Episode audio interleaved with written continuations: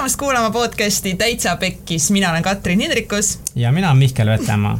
ja meie podcastis me räägime erinevate inimestega nende eludest ja asjadest, mis lähevad pekki, kuidas need pekki lähevad ja kuidas sellest kõigest välja saab.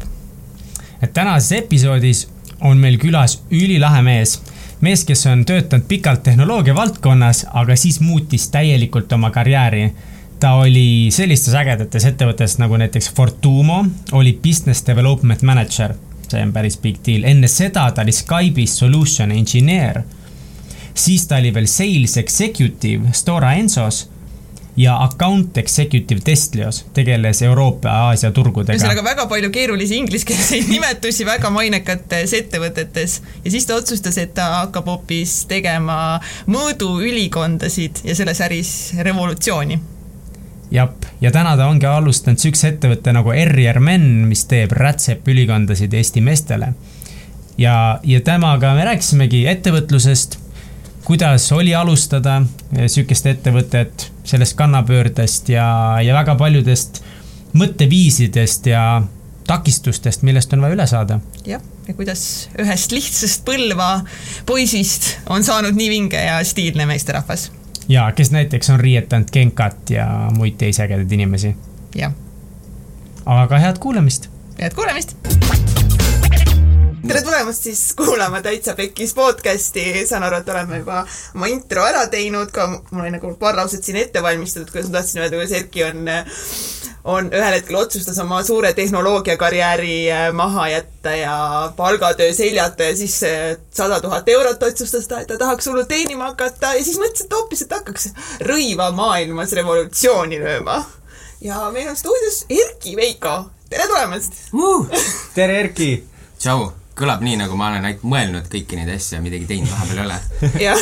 mõtlesin tehnoloogiakarjääri maha jätta, proovimata üldse seal läbi lüüa mis on peaaegu tõsi ei, aga sa lõid tehnoloogia valdkonnast läbi küll ah,. ma vaatasin sinu CV-d ja tegelikult ongi hästi huvitav, et inimene, kellel on nii tugev ja põnev tehnoloogiline taust, aga, aga noh, näiteks praegu ongi, võin öelda, mis sa teinud oled.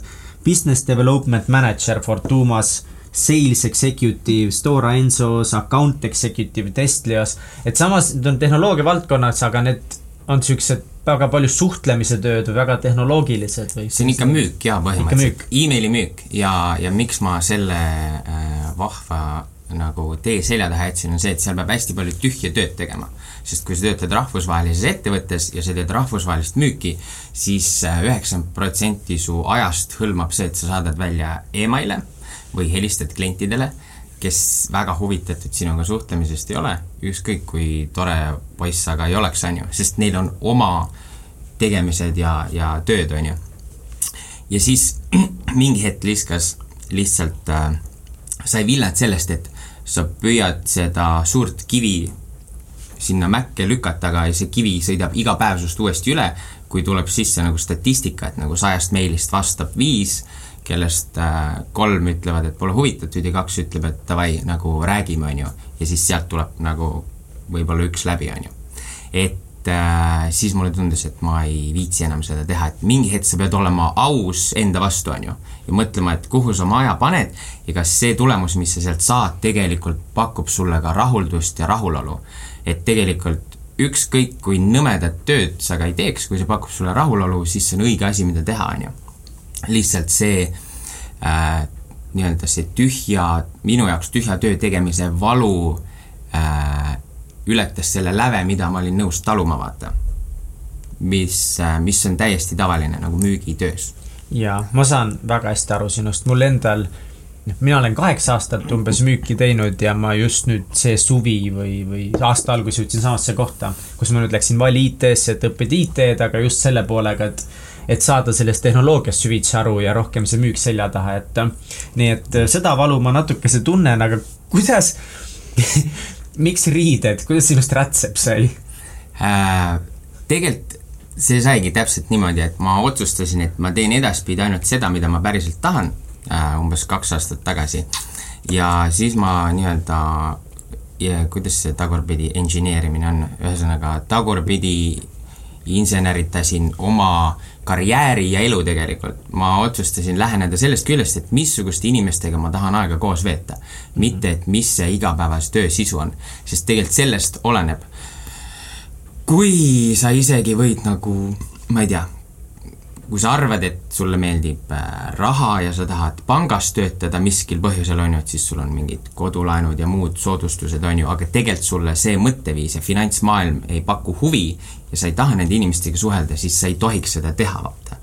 et äh, mõõduülikondade maailma suur pluss on see, et seal on inimesed, kes äh, hindavad aega, väärtustavad nii-öelda oma kliendi kogemust, väärtustavad kva-, kvaliteeti ning kuna need tooted on ikkagi premium hinnaklassis, siis nad tõenäoliselt on ka elus kuskile jõudnud, ehk siis on ka ise olnud enda vastu ausad mingil hetkel ja loobunud lollide asjade tegemistest nagu nende osas, vaid on hakanud tegema neid asju, mis neile meeldivad, tänu millele nad on piisavalt edukaks saanud, et osata hinnata ning ka lubada endale kallima otsatooteid, nagu see, mida mina teen aga kuidas see, kuidas see tagurpidi inseneerimine siis lause on ju, mõtlesin ise ka, et vau wow,. aga kuidas see tagurpidi inseneerimine nagu käib? et, et sa lihtsalt, kuidas sa tuled selle mõtte peale, et, et ülikondadest sa saad sinna või? ei no siis oligi niimoodi, mõtlesin, et missuguste inimestega ma tahan kokku puutuda ja pigem nagu nendega, kes on minust erinevad suures osas, aga mõnes mõttes ka sarnased, on ju, kes on need, kes teevad asjad ära, mitte lihtsalt ei räägi, et nad teevad asjad ära, mis on ka populaarne hobi tänapäeval nagu, aga mis nagu on selline veits nagu mõttetu aga nagu ütleme niimoodi, et nagu lihtsalt mingi suvaline mees ei saa otsustada ühel hetkel, et tema hakkab nüüd nagu rõivaid disainima, nagu ütleb nagu saab ise, ikka, muidugi saab. No isegi jaa, selles mõttes sinu näite peale isegi Põlvast, Põlvast pärit meesterahvas saab hakata, aga tegelikult ei, nagu ei saa, ei tegelikult ei saa, kui sul ei ole ikka nagu stiilitunnetust või nagu sul on nagu pohhui riietest ja asjadest, nagu no sa ei saa hakata lihtsalt riivaid disainima. tegelikult see Põlvaga on selline huvitav nali, et äh, kuna mu vanaisa oli selline noh, ikkagi talumees, on ju, nagu siin on hästi lihtne sellist kevade nagu äh, nii-öelda võrdlust tuua, mu isa kutsub mind äh, Bruno Pennoks, nagu see, kes oli, vaata see, kevades oli see kiire mingi poeg või midagi sellist, kes oli ka Rätsepa perest oli äkki keegi tõesti, jah? oli, on ju. ja mm -hmm. siis ta oli see Toots, kes oli talumees, on ju. üldiselt kogu see kamp seal oli mingid nagu talupojad, on ju. aga siis mingid vennad seal uhkeldasid oma peenete rätsepa rõivastega, on ju. siis ma olen see äh,, ma olen see välja karanud sealt aga, aga kuidas see juhtus äh,, tegelikult oli see, et mul oli vaja toodet, mida reklaamida oma Youtube'i kanalis, mida ma õnneks enam ei tee, sest see on väga piinlik. Aga ma tegin üks mingisugune kaheksa episoodi nii? mingit Tallinnast filmisin ja peamiselt selle eesmärgiga, et aru saada, kui suuteline ma olen üksinda nagu story't välja mõtlema, filmima, edima ja, ja ma ei tea, kogu see muusikat panema ja üldse nagu seda turundama, on ju Äh, ja seda ma tegin töö kõrvalt, sest siis ma olin juba aru saanud, et mul on vaja mingit uut väljundit.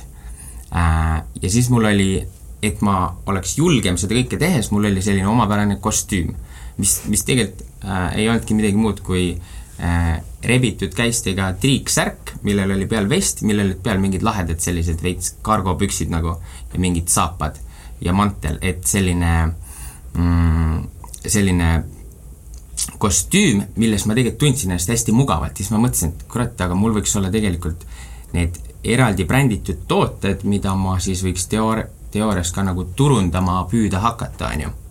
et kui mul on see kanal olemas, nüüd on mul vaja küsimust, miks ma seda teen, sest sellest ma ei olnud veel aru saanud. aga siis niimoodi juhtuski, et tegelikult see kanal jäi sinnapaika äh,, ma leidsin äh, või tähendab, ma ei leidnud see on nüüd vale, äh, mulle soovitati, üks hea sõbranna soovitas ühte disainerit, kes aitas mul esimesed prototüübid nii-öelda kokku panna, on ju, nendest toodetest. Siis ma taipasin, et sellega ma raha ei teeni ja mitte sellepärast, et need äh, tooted oleks kehvad olnud, aga nad ei kõnetanud piisavalt palju inimesi. see oli, seal olid sellised omapärased püksid, vest, sviiter äh, ja paar disainer tüüpi nagu triiksärki on ju, mingi eri lõikega ja eri mustrit ja, ja sellise kombinatsiooniga. siis mulle öeldi, et ma pean ülikondasid tegema. ja kui ma tahan seda huumorit jätkata. Ja siis nii läkski, siis ma leidsin äh, mind aidati palju, leidsin partnerid, kes siis toodaks mulle äh, vastavalt siis minu soovidele. ja siis ma hakkasin juba neid äh, sõpru, sõprade uste taga kolistama, et kuule, osta ära hobune või see ülikond. Aga kirjelda seda protsessi lähemalt, sest minu jaoks see tundub ikkagi väga ulme, et äh, ühesõnaga, ma saan õigesti aru, et siis sa tundsid, sul on vaja midagi muud, sa hakkasid Just. tegema Youtube'i videosid, et Just. näha, mis millestki, mida saada võib. just. sa panid endale tobedad riided selga ja sul tuli mõte, et võiksid tobedad riided müüa. põhimõtteliselt küll, jah mm. -hmm. nagu selles mõttes tobedad võib-olla pigem nagu erilised. see kombinatsioon ei olnud nagu klounilik, vaid see oli ikkagi lahe minu meelest vähemasti. on need videod kuskil veel äh, nii-öelda avalikkusele nähtavad? võib-olla oh. minge otsima Youtube'is. jah, tegelikult selle kanali, kanal peaks vist Errier praegu olemagi, kus need vanad videod ka alles. et ma ei ole meelega maha võtnud, sest ma vahepeal vaatan neid, et kui ma, kui mulle tundub, et mul läheb liiga hästi juba ja ma muutun kuidagi uhkeks, siis ma lähen vaatan neid ja tunnen kohutavat piinlikkust ja kurbust selle üle, mida ma teinud olen oma elus aga kas sinu jaoks oli lihtne leida need äh, inimesed, kes sind aitavad siis nende disainidega või? minu jaoks on hästi raske, on see protsess mõelda ennast ühest kastist välja ja hakata midagi uut tegema. ja siis hakata kogu seda uue tegemise raami endale paika panema, kust ma alustan, mida mul vaja läheb, kes mind aitab, et kas see läks sinu jaoks kiiresti või natuke kirjelda seda protsessi, et kas sa olid hädas ka seal? Ma hädas ei olnud, see läks tegelikult kiiresti, sest et ma tegin just seda vastupidist asja, mida, mida tihtipeale ei tehta, on see, et kui sa püüad nagu sellest raami seest neid inimesi leida, kes võiks sind aidata, siis tõenäoliselt sa ei jõua sinna nii kiiresti, kui sa tahaks, aga ma helistasin, ma lihtsalt helistasin nendele inimestele, keda kes minu arvates on äh, väga nutikad, kellel on visioon ja kellel on mingi missioon ja kes saavad aru, kuidas maailmas asjad toimuvad ma helistasin Linnar Viigile, pumm, kes tegelikult ei ole üldse mingis äh, rõivääris ju, on ju. et kuna ta oli äh, rektori asetäitja siis, kui ma IT kolledžis käisin, mina olin üliõpilase esinduses, siis meil nagu, meil oli mingi läbisaamine, on ju, ja siis ma ütlesin, et kuule, mul oleks nagu abi vaja, et saame kokku. ja siis leidsime ühise aja, saime kokku mingisugunegi tund aega Telliskivis ja siis ma rääkisin oma sellest ideest, et vaata, ma mõtlesin sellist asja teha, et hullult äge tundub ja, ja paljud sõbrad-tuttavad on ka verifitseerinud, et noh, ei ole kõige hullem asi, on ju. siis ta ütles, et okei okay,, nüüd sul on vaja seda, seda, seda, seda ja ta andis mulle kohe mingi kolm nime ja numbrit nagu, kellele helistada, sest mis iganes alas sa oled tegev, kui sa oled piisavalt edukas, siis sa puutud kokku teiste edukate inimestega teistest eluvaldkondadest. ja nii lihtne see ongi, et siis ma rääkisin nende järgmiste inimestega, kes rääkisid teiste inimestega. Ja kuna nagu nii-öelda selline rõivatööstus pigem äh, noh, Eestis on ma ei oskagi öelda, pigem nagu naiste hallata, on ju, siis neil oli hea meel, et mingisugunegi imelik vend tuleb ja ajab mingit oma kägu siin, on ju, neil ei olnud midagi selle vastu, et mind aidata, sest keegi ei näinud mind otseselt nagu mingi konkurendina või mis iganes ja ma teengi koostööd mitmete konkurentidega, neil ei olnud midagi selle vastu kui see sektor areneb ja midagi uut ja huvitavat tuleb peale, on ju. ja nii see põhimõtteliselt läkski, ühe inimese juurest teise inimese juurde, kolmanda inimese juurde, ma olen väga üllatunud, äh, tegelikult vahepeal mult küsitakse, et kuidas ma saaks seda, teist või kolmandat lihtsalt oma eesmärkide täitmiseks, siis ma ütlengi, et vaata lihtsalt kõige edukamad või tuntumad või mis iganes sinu jaoks tähtsate parameetritega inimesed, võta nendega ühendust, on ju ma olen kirjutanud LinkedInis mingitele USA ärimeestele, Grant Cardone näiteks, väga äge tüüp, kirjutas vastu mulle ja ma olin selline, et fuck yeah nagu, muidugi. inimesed kirjutavadki vastu, hiljuti ma rääkisin oota, sorry, mis sa küsisid tema käest? Ma ei küsinudki ta käest midagi alguses, ma ütlesin, et see, mida ta teeb, on üliäge, et ma olen ta podcast'i lugenud, mingit raamatut lugenud ja umbes, et keep up the good work, on ju, et selles mõttes see esimene kontakt ei peaks olema kunagi see, et sa küsid midagi. sul oleks vaja midagi saada. just. Mm -hmm. ja, ja esialgu sa peadki nagu ma ei teagi, aga see peab olemagi siiras, et kui see inimene tegelikult sind ei koti, on ju, siis ära mine seda torkima, on ju. et äh, samamoodi Genkale kirjutasin üldse kust meie koostööga algas, oli see, et äh, kirjutasin üldse tema ühe toote kohta, see habemõli, on ju. ja siis me seal lõõpimise, lõõpisime natuke, et oh-oh-oo, sellega võib igasugu asju teha, kalapraadid ja nii edasi, on ju. ja siis noh, ta vaatas, et ma ei ole nagu võib-olla see esimene random drop, kes lihtsalt tuleb ja tüütab teda mingi juraga, onju. ja siis tegelikult ta ise äh, nagu viskas jutu sees, et kuule, et siis teeme varsti mingi pintsaku kollektsiooni või. ja nüüd äh, jah, aasta aega hiljem ongi see laivis nagu pumm. nädal aega tagasi avaldasime nii-öelda ma tegin talle tema ülikonna kollektsiooni siis on ju. ja selline väike nagu nali ja sellest võibki tulla nagu päris äge asi. aga kui ma tegelikult ei oleks huvi tundnud tema vastu, vaid oleks läinud sinna paugutama, et kuule, mul oleks räigelt mingit tuntud nägu vaja, et teeme turundust ja värki ja saame kõik rikkaks, siis ta oleks öelnud, kuule, see ei käi niimoodi, vaata, sest ta tegelikult teab, et see ei käi niimoodi. Sa pead pakkuma talle ka mingit väärtust vastu, mingit visiooni ja mingit analüüsi, et kui palju sa tegelikult suudad neid tooteid müüa, on ju. sest et kui ma näen neid äh, nagu Eestis ikkagi tuntumaid inimesi, kui palju neil telefon heliseb, kui palju neile pakutakse igasugu crazy sid asju, mis juhtub varsti ka teiega. see on nagu, olge valmis, on ju hakkate mingeid rehve reklaamima ja mingit sellist värki oh,. vabalt, rehvitootjad, kõik võite ühendust võtta. E eriti Mihkliga, kellel pole isegi autot. just, just. mul on jalgratas, sellel on ka rehve vaja oh,. täiega. et nagu äh, selles mõttes, et et sa pead ikkagi alguses püüdma pakkuda ise mingit väärtust. ja nagu seda on kõik, ma ei tea, tehnoloogiamaailma äh, CEO-d ja, ja muud vennad nagu jauranud aastaid, on ju. meil läheb natuke veel aega sellega. Ja see, noh, seda peabki tegema nagu siiralt. kui sa lähed trikitama, siis see läheb perse, sest inimesed näevad seda läbi.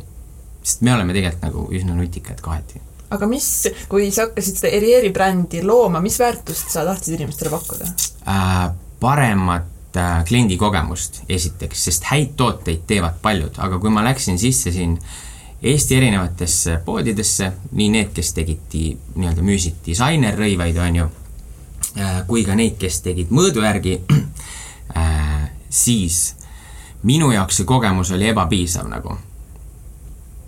ma ei tundnud, et ma olen oodatud võib-olla see on lihtsalt tol päeval, see võis olla juhus, on ju, ma ei saa öelda, et nad pakuvad halba kogemust, aga minu jaoks seda oli liiga vähe. et kui ma maksan mingi toote eest ikkagi kolm-neli korda rohkem kui ma ei tea, kaubamajas või kuskil või, või nii-öelda nagu mõistliku kvaliteediga riidepoes, on ju, siis ma peaks tundma seda, et kogu see teenindus kuulub sinna juurde, on ju. ja seda ma ei näinud. Äh, ja siis ma otsustasin, et nagu see oligi täpselt nii, et fuck it, ma astusin kuskilt viimasest poest välja äh,. ja siis mõtlesin, et perse, ma teen ise, vaata, et ma ei viitsi. sest siis ma otsustasin, et ma ei viitsi enam ise poes käia, sest see on juba nagu totter, on ju. Et see aja raiskamine ja see ükskõiksus just. et keegi ei tule sult küsima, et äh, mille jaoks sul seda vaja on või, või äh, kõik pakuvad sulle kohe toodet ja nii naljakas on, kui mulle helistavad vahepeal mingid vitamiinimüüjad et äh, kuule, et meil on selline eripakkumine vitamiinidele, siis ma küsin, et miks te mulle helistate? no sest meil on see eripakkumine. siis ma küsin uuesti, miks te mulle helistate, on ju. siis no tead, meil on see kuradi see, need tooted ja värgid, on ju. Kuidas olen mina seotud tootega, te isegi ei küsi, kas ma tarbin vitamiine, kas mul on neid vaja, äkki mul on mingi aasta varu olemas. Teid absoluutselt ei huvita see, kas mul on seda toodet vaja. Te tahate lihtsalt mingit oma värki mulle pressida mm -hmm. ja siis selle pealt nagu tulu teenida, on ju, aga see ei tööta. kui mul on aega vahepeal, siis ma räägin neile, et kuule, mingi, äh, kui, kui sa läheneks natuke targemalt sellele asjale, siis ma võib-olla viitsiks isegi kuulata seda, on ju. aga ma tean, et see on raske töö ja ma ei kunagi lähe neile halvasti ütlema, aga lihtsalt ma olen endiselt nii imestunud, kui halvasti tehakse Eestis müügitööd, see on lihtsalt kohutav, noh. just sellepärast, et ei huvita mitte kedagi, mida klient päriselt tahab? tahab, mitte isegi tahab, vaid mida ta vajab, sest tihtipeale mm -hmm. see, mida ta tahab, on teine asi, mida ta vajab. Ja see, sellepärast ma arvan, et see, mis ma teen, nii nagu ma teen, ongi mm, väärtust loov. et ma tegelikult aitan inimesel jõuda selleni, mida tal päriselt vaja on mm. -hmm räägime korra siis sellest kliendi kogemustest, mida sa, mida sa siis pakud inimestele, ma tean, et nüüd juba sa kolisid uude, uude, uude kohta oma siis äh, selle rõivadisainiga, aga ennem sul oli tõesti vanalinnas, sa läksid nii-öelda siis nagu trepist alla, sul oli selline Just. hästi mõnusalt, ütleme, ongi nagu mehelik, niisuguse baariletiga stuudio, kus no selle sa... hüüdnimi oli Koobas, et selles mõttes see ütleb kõik, on ju. jah, jah. sõbrad kutsusid seda selliseks, jaa äh, eks, eks seal oligi põhiline lihtsalt see, et pakkuda inimesele kohe nagu, ma ei tea, midagi juua või mis iganes ja nii-öelda üritada aru saada seda, et mida tal vaja on, mitte see, mida mul oleks kõige kasulikum müüa. kuidas sa üldse jõudsid oma koopani?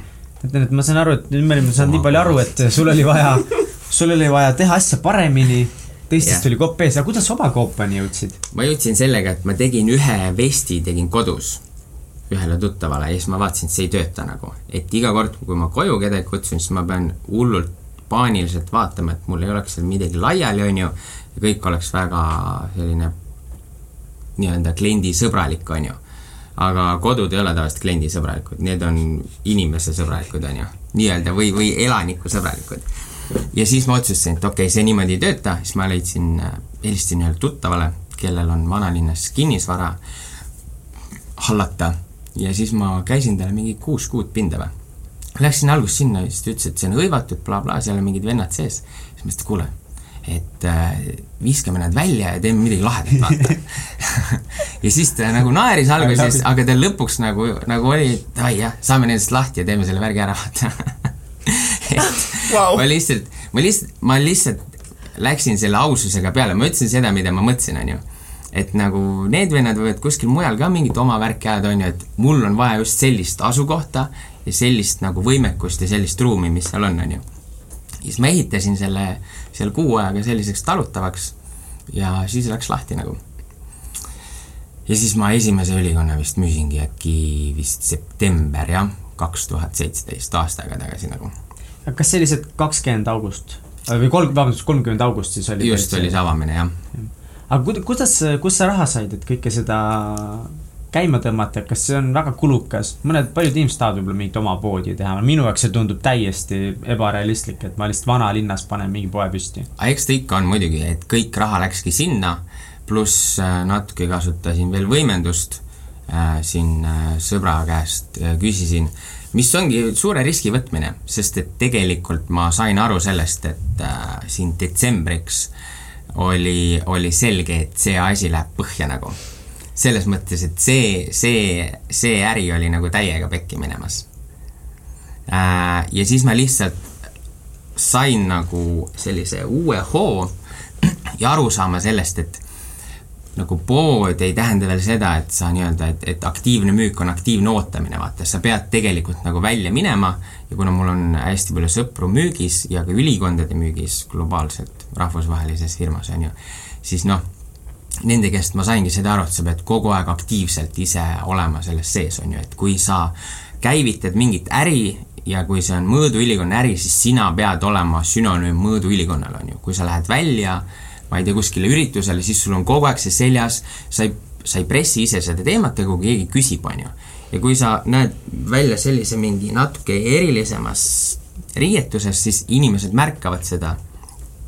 ja siis nad küsivad ja siis sa räägid sellest, et hästi kiiresti on vaja jõuda hästi paljude inimesteni, et tegelikult tekiks see teadvus, et sa sellist asja teed, on ju. ja siis ma võtsingi selle suuna, et mingid üritused, kuhu ma muidu võib-olla ei läheks, aga noh, ikkagi oled avatud meelega, on ju, ja võib-olla ka saad uusi põnevaid tutvusi, on ju, siis ma hakkasingi käima nendel üritustel äh,, mingid firmapeod ja ma ei tea, mis iganes, konverentsid ja noh, mis mingil määral huvitab ka, on ju äh,. ja sa nagu uut asja alustades inimesed nagu natuke kardavad nii-öelda sukelduda sinna, sest et äkki nad fail ivad ja siis kõik saavad teada, et nad proovisid seda teha, aga see läks metsa, on ju aga juba selle hirmuga on äh, suur samm astutud, et see läheb metsa nagu. et sa pead täiesti sinna sisse nagu millised... all in või all out, muid variante ei ole. täiesti nõus, no mõtlen, aga millised su päevad siis olidki, et kui sa alustasid septembris põhimõtteliselt ja detsembris juba said aru, et äh, asi on pekki minemas, et mida sa kogesid siis või kuidas sa hakkama said ikkagi sellega?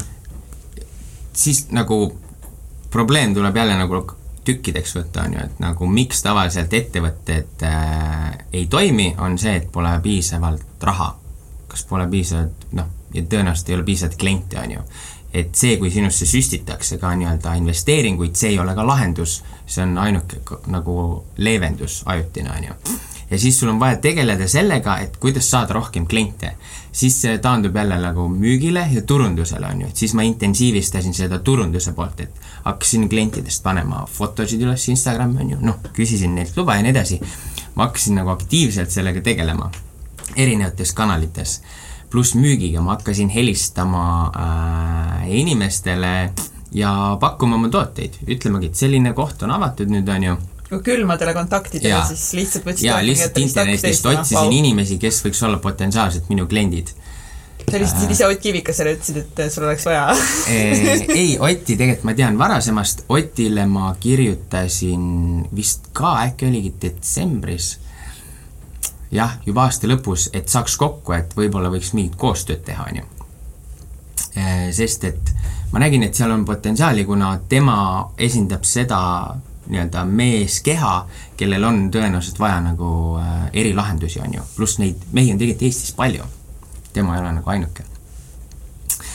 aga, aga selle vestlusega me kohe väga kaugele ei jõudnud, sest tal oli endal hästi palju asju pooleli, on ju, ja, ja niimoodi ongi, et vahepeal tundub, et nagu mingi asi liigub õiges suunas, aga siis sa saad aru, et see ei ole ikkagi päris see nagu. et siis tuleb ka vaata stopp peale panna. Aga jah, külmad kõned, siis ma sain sealt mõned kliendid ja siis nagu järjest tekkis see suurem eneseusk, et tegelikult see, mis ma teen, on hea asi, on ju. mitte ainult mulle, vaid ka teistele.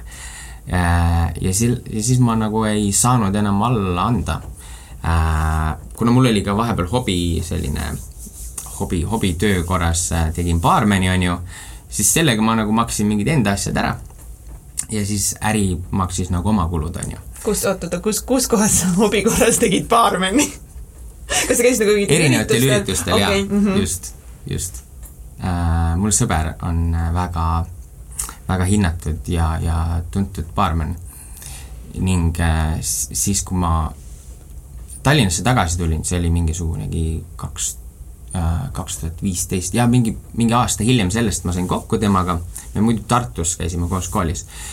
Siis saime kokku ja rääkisime nii, et nagu mis läheb ja mis teed ja värki-särki on ju, siis ma töötasin, töötasin veel IT-sektoris. siis ta ütles, et ta teeb baarmeni ja siis ma ütlesin, et ma tahan ka baarmeniks saada.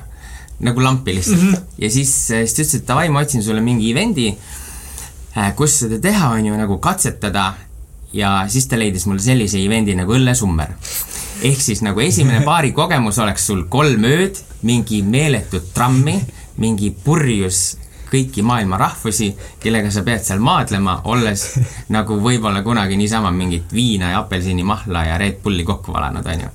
mõtlesin, okei okay,, no teeme ära, vaata. ja siis äh, no see oli, see oli kole nagu, see oli kole, aga ma sain aru sellest, kui raskelt tegelikult nagu raha tuleb, onju ja siis ma mõistsin selle kõrvalt ka seda, et kui vähe tegelikult mina olen pingutanud võib-olla, et nagu oma brändi lendu lasta, on ju, et see, see baarmeni kogemus, sellest ükskõik mis ikkagi intensiivse raske töö kogemus annab sulle selle realisatsiooni, et need asjad ei lähe ise käima, on ju.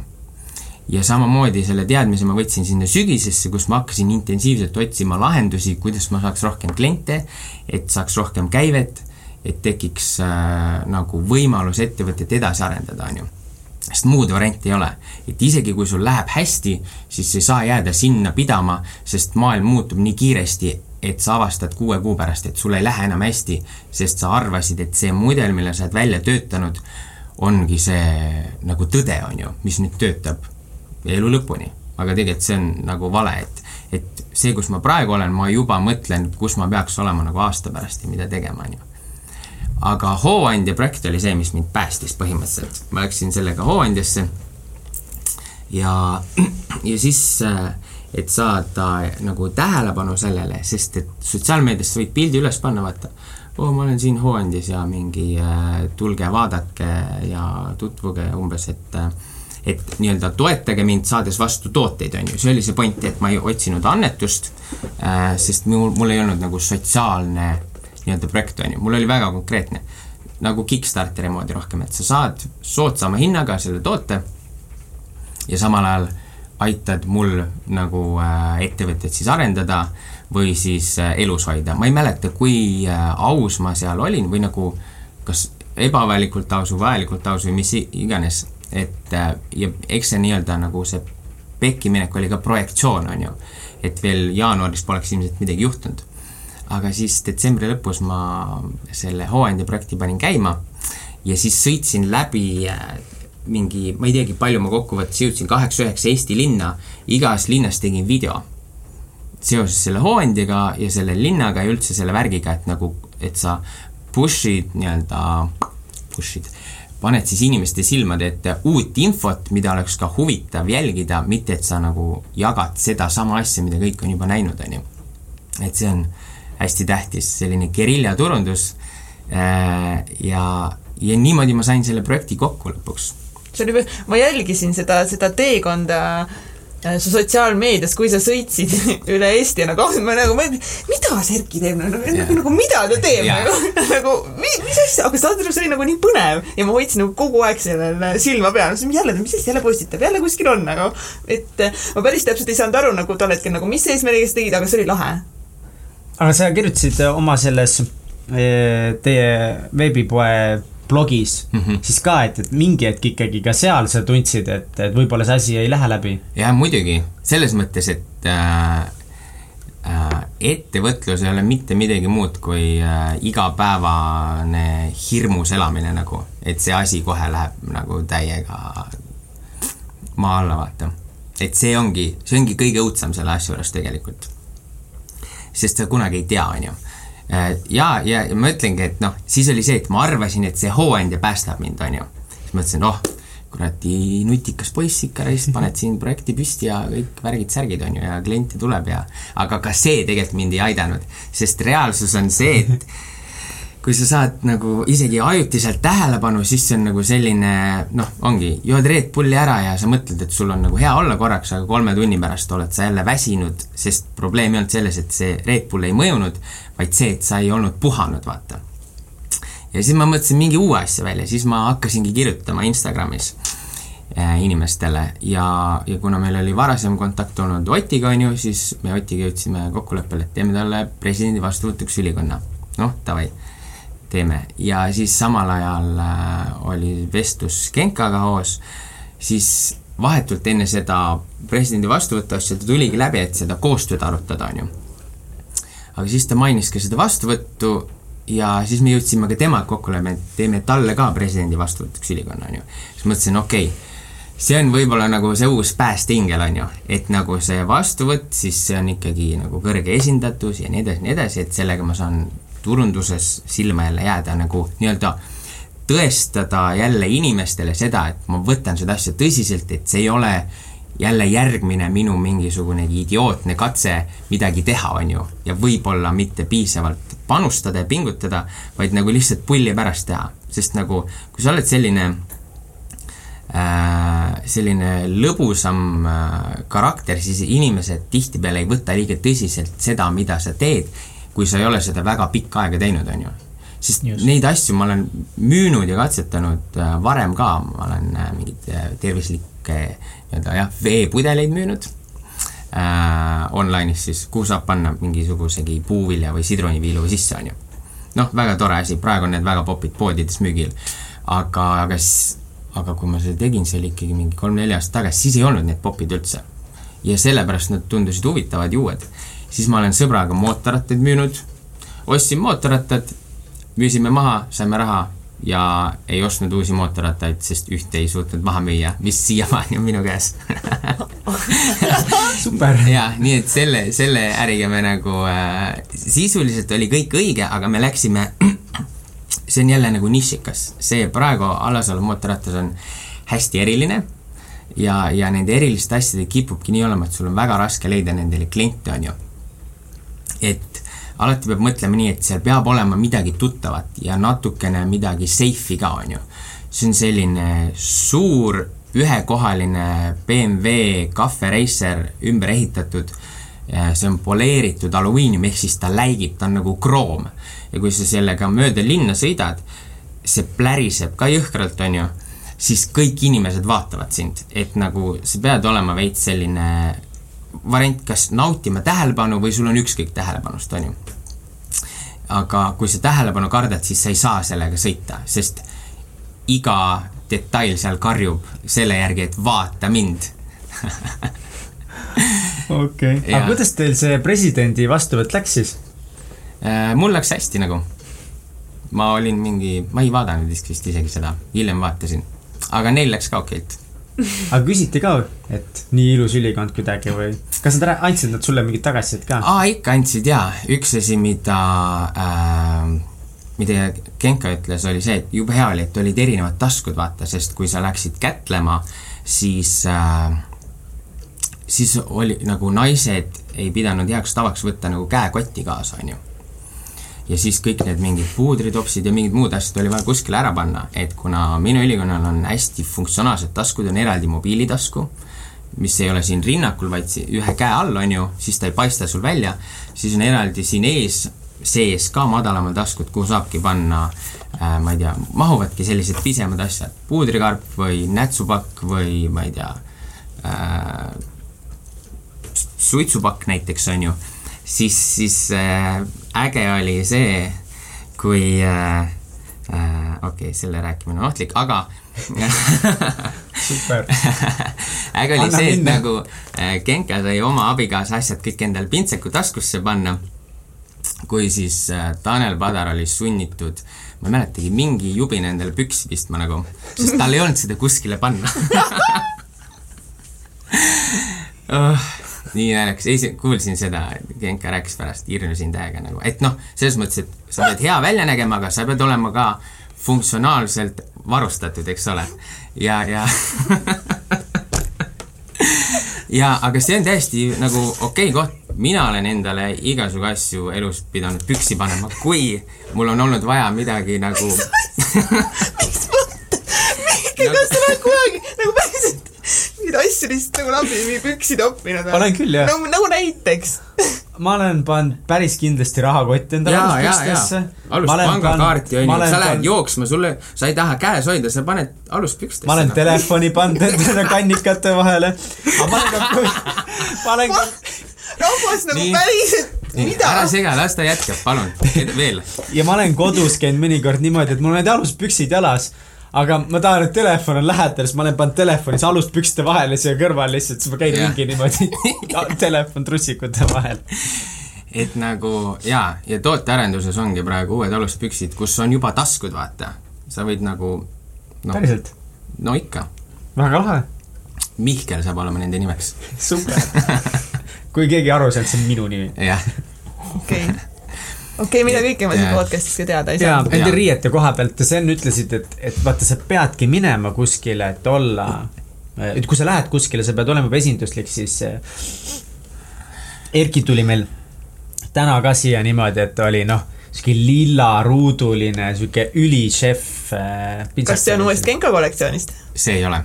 aga me teeme sellest pilti, nii et pärast saate vaadata, vaadake kindlasti väga,, väga-väga šef nägi välja, näeb välja siiamaani, siiamaani Mihkel otsustas, et näeb nagu okei okay,. Genka kollektsioonist mul tegelikult üks äh, ülikond on, aga uue kolimisega mul tekkis äh, vajadus see mannekenile selga panna, sest lihtsalt äh, ta sobis sinna kõige rohkem ja ta on kõige silmapaistvam. et selle kõrval on üks hall ka veel, aga mannekenile halli ülikonna selga panek ei koti nagu kedagi, vaata siis kõik vaatavad, okei okay,, mingi järgmine halli ülikonna bränd on ju.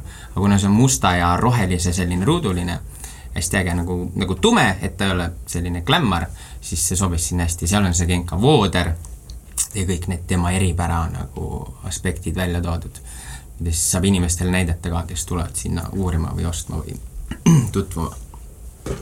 aga jõuab aga räägikski korra, korra sellest, et siis sinu koobas ühel hetkel jäi väikseks või mis, mis juhtus? tegelikult ei jäänud, aga, aga kuna mu visioon või nagu selles mõttes, et mina otseselt ma vastutan selle eest, et mind seal ei ole, aga ma otseselt ei ole süüdi, et ma seal enam ei ole. sest see inimene otsis mind ise üles, aga see oli ikkagi seoses selle suurema pikaajalisema visiooniga, et kui minu seal koopas oli ka selline baarinurk, on ju, ja mingi hetk ma täitsa mõtlesin, et seal tagapool, tagaru-, tagumisruumis võiks olla barbershop, on ju, et inimesed käiks seal ilma nagu nii-öelda, nii-öelda ainult nagu riiete põhjuseta, on ju siis minu juurde tuli üks äh, Briti härrasmees, kes on oma poodi pidanud siin Tallinnas kuus aastat. ja Luke helistas, ütles, et ta on mul seal ukse taga, et äh, lase sisse, Mardi Sant. ja, ja siis ta astus sisse, ütles, et tema ei ole klient, sest tal on samasugune äri, on ju Äh, ja minust oli talle rääkinud keegi tema tuttav, et kuule, mingisugunegi selline vend on, mille vaata üle, mida ta ajab seal, on ju. Ja siis me jõudsime tunni ajaga nii kaugele, ma läksin ka siis tema poodi, kus ma polnud varem käinud, tunni ajaga me jõudsime sinna, et, äh, et me võiks koostööd teha. ja siis ta ütleski, et äh, ma saan tema ruumi kolida, saan seal mingi oma pinna ja, ja teemegi sellise nii-öelda kolläbi koostöö, kus siis mina esindan nagu Eesti brändi, on ju, ja kuna ta nägi, et kontseptsioon oli sarnane, aga minu kontseptsioon või minu reaalsus oli tema nagu äh, selle äh, ruumiga suht kiviajas, sest see oligi selline koobas ja, ja kõik oli selline nagu äh, noh, lihtsam, on ju. tema on siin hästi palju investeerinud, igasugu ilusaid asju ostnud. siis, aga, aga põhimõtteliselt visioon oli sama, on ju. siis ma lihtsalt jõudsingi nüüd nagu selle ühe nädalavahetusega äh, kaks korrust kõrgemale ja kolm aastat nagu elus edasi, vaata. Aga tõenäoliselt see on ikkagi tänu sellele, et mina olin teel samasse kohta, kus tema. ja temal oli puudus sellest, et sealt rohkem käiks eestlasi läbi, on ju, sest enamus tema kliendid on väga high-end äh, ja hästi paljud ka välismaalased, siis äh, mina nii-öelda drive in talle siis, mina toon talle siis eestlasi, on ju kes käivad ka võib-olla seal barbershopis rohkem või äh, seal viskibaaris äh, ja võib-olla sigaritoas, on ju, ja siis äh, tema aitab mul nii-öelda brändi võib-olla väärtuslikumalt presenteerida, on ju. pluss see, on mugavamas asukohas ja sinna on lihtsam ligi pääseda. et mingid asjad mu elus juhtuvad, millel äh, ma ei tea, miks, aga ma usun, et see on sellepärast, et ma ikkagi ise neid tahan, on ju ma lihtsalt ei ole alati väga selgelt aru saamas, mida ma pean tegema. Sest et võib-olla, kui ma oleks ise tema juurde läinud selle jutuga, võib-olla me ei oleks jõudnud sinna, on ju. et vahepeal peab lihtsalt mingid asjad ära ootama, aga, aga teinekord tuleb ise täiega talda anda, on ju. sinna sissekolimine läks kõik teil? viie tunniga. viie tunniga? Ah, lebo. lebo, vot. elu on lihtne. sest see oli nii lähedal, see oli kolmsada meetrit ja kõige parem oli see, et see kolimine oli laupäeva õhtul või laupäeva päeval, siis kui oli Tallinnas SEB maraton ja siis ma kõndisin, ma kõndisin läbi stardikoridori sest et just oli mingi jooks algamas, äkki see oli kümme kilti või. ja kuna ma üksinda tegin seda, ta pakkus küll abi, ma ütlesin, et ei, chill, on ju, siis ma vedasin seal mingit äh, vaipu ja tool ja laud ja neid ülikondasid, on ju. ja kuna nagunii liiklusi kinnis, ma ei saanud seda autoga teha, siis ma tegin seda kõik käsitsi. siis ühe korra nagu ma ei mäleta, kas kahest või kolmest äkki hakkas mingi jooks. ja enne seda ma olin kõik mingid mandid rahulikult ära vedanud. ja siis äh, kõnnin suur vaip kaenlas ja tool käes niimoodi ja mingi kott seljas äh,, kus oli ka mingid asjad. siis ma pidin sellest stardikoridorist läbi minema, aga seal oli selline pool meetrit nagu vahet, sest inimesi oli see täis, seal oli mingi kolm tuhat inimest ja siis, siis ma tulin sealt vaip kaenlas ja suur tool käes ja ütlesin, oh sorry, sorry, ei ma ei jookse, chill'i vaata, et lase mind läbi, mul on vaja oma poodi ära kolida. Ja vennad nagu, ma väga ei tahtnud otsa kellelegi vaadata, sest ma mõtlesin, et nagu miks see vend tuleb oma fucking vaiba ja tooliga praegu siit läbi, on ju, meil on jooks. mis sul viga on, mine ringiga. aga see oli kõige otsem tee äh, mega naljakas. elus tuleb vahepeal otse minna ja, ja isegi kui vaja, siis lähed noh, läbi vaata. et ütled, et vabandust ja, ja, ja väga paljuski minu arust jäävadki inimestel asjad tegemata, kus nad nagu põevad seda, et äkki see koht ei ole sobiv või, või mingi ma ei teagi, et see olukord on justkui nende jaoks võib-olla piinlik või ebamugav, on ju. aga teinekord ei ole aega lihtsalt, saab nagu pead minema, muidu ma oleks kõndinud mingi kolmesaja meetri asemel kilomeetri maha oma kuradi vaiba ja tooliga seal vanalinnas kas, kas nüüd, kui sa oled ära kolinud sinna uude kohta, kui palju on, on see asukoht ja see uus energia nüüd muutnud sinu võib-olla seniseid eesmärke, et kas see on kiirendanud nüüd, oh, et nüüd ma olen juba siin, nüüd mul on veel need võimalused ja need võimalused kordades jõuavad minuni kiiremini äh,? pigem see võib-olla aitab neid eesmärke arendada ja parandada nüüd, sest et nüüd kui, kui nii-öelda see struktuur on parem, on ju, see ligipääsetavus ja nii edasi, siis saab uued eesmärgid tegelikult püstitada. sest see, eks see koobas natuke äh, oli nagu pidurdavaks teguriks ka. Sest sinna ei olnud võimalik väga hästi ligi pääseda. sinna ei olnud võimalik sisse saada, sest seal elasid inimesed, hoovis vahepeal, ma ei tea, mängisid lapsed ja koerad jooksid ja nii edasi, et noh, see ei olnud avatud nagu. mis oli mõnes mõttes positiivne, sest seal kõrval on väga populaarne äh, Rattaskav kuusteist restoran, kus on, käib hästi palju rahvast ja kui need turistid tuleks lihtsalt, jalutaks mulle sinna sisse ja vahiks seal ringi, on ju, äh, nagu nad ikka teevad, siis see ei oleks minu aja mõistlik kasutus, on ju. aga kuna see, see uus koht seal selle korstnapühkija kuju platsi ääres äh,, vana postimaja, kuna see ei ole selline turistide nii-öelda peamine läbikäigutee, on ju, siis sinna neid niisama jalutajaid ei satu. ja kuna seal ei ole suuri mingeid silte ka, et me teeme siin mingeid džentelmen riideid, siis see on see valge maja seal, eks ole? Ta on vist äkki heleroheline või, sama maja, kus on Burberry. aa ah, jaa, ta on, aa ma mõtlesin kogu aeg, et ta on valge, võib-olla ta on heleroheline, aga mis, sul, sa oled mingisugune klubi on seal all või mis ja, seal majas ja, veel just. on? see on täiega huvitav maja, kusjuures ma tahan korra uurida selle kohta. Club Bespoke, see De Bois, De Bois Club Bespoke on seal teisel korrusel. mis see tähendab?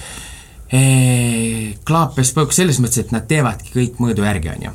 kui sa lähed sinna sisse, sa näed, seal on kindad äh,, rihmad äh,, kingad ülikonnad, mantlid, nahktooted, et kõik tehakse mõõdu järgi.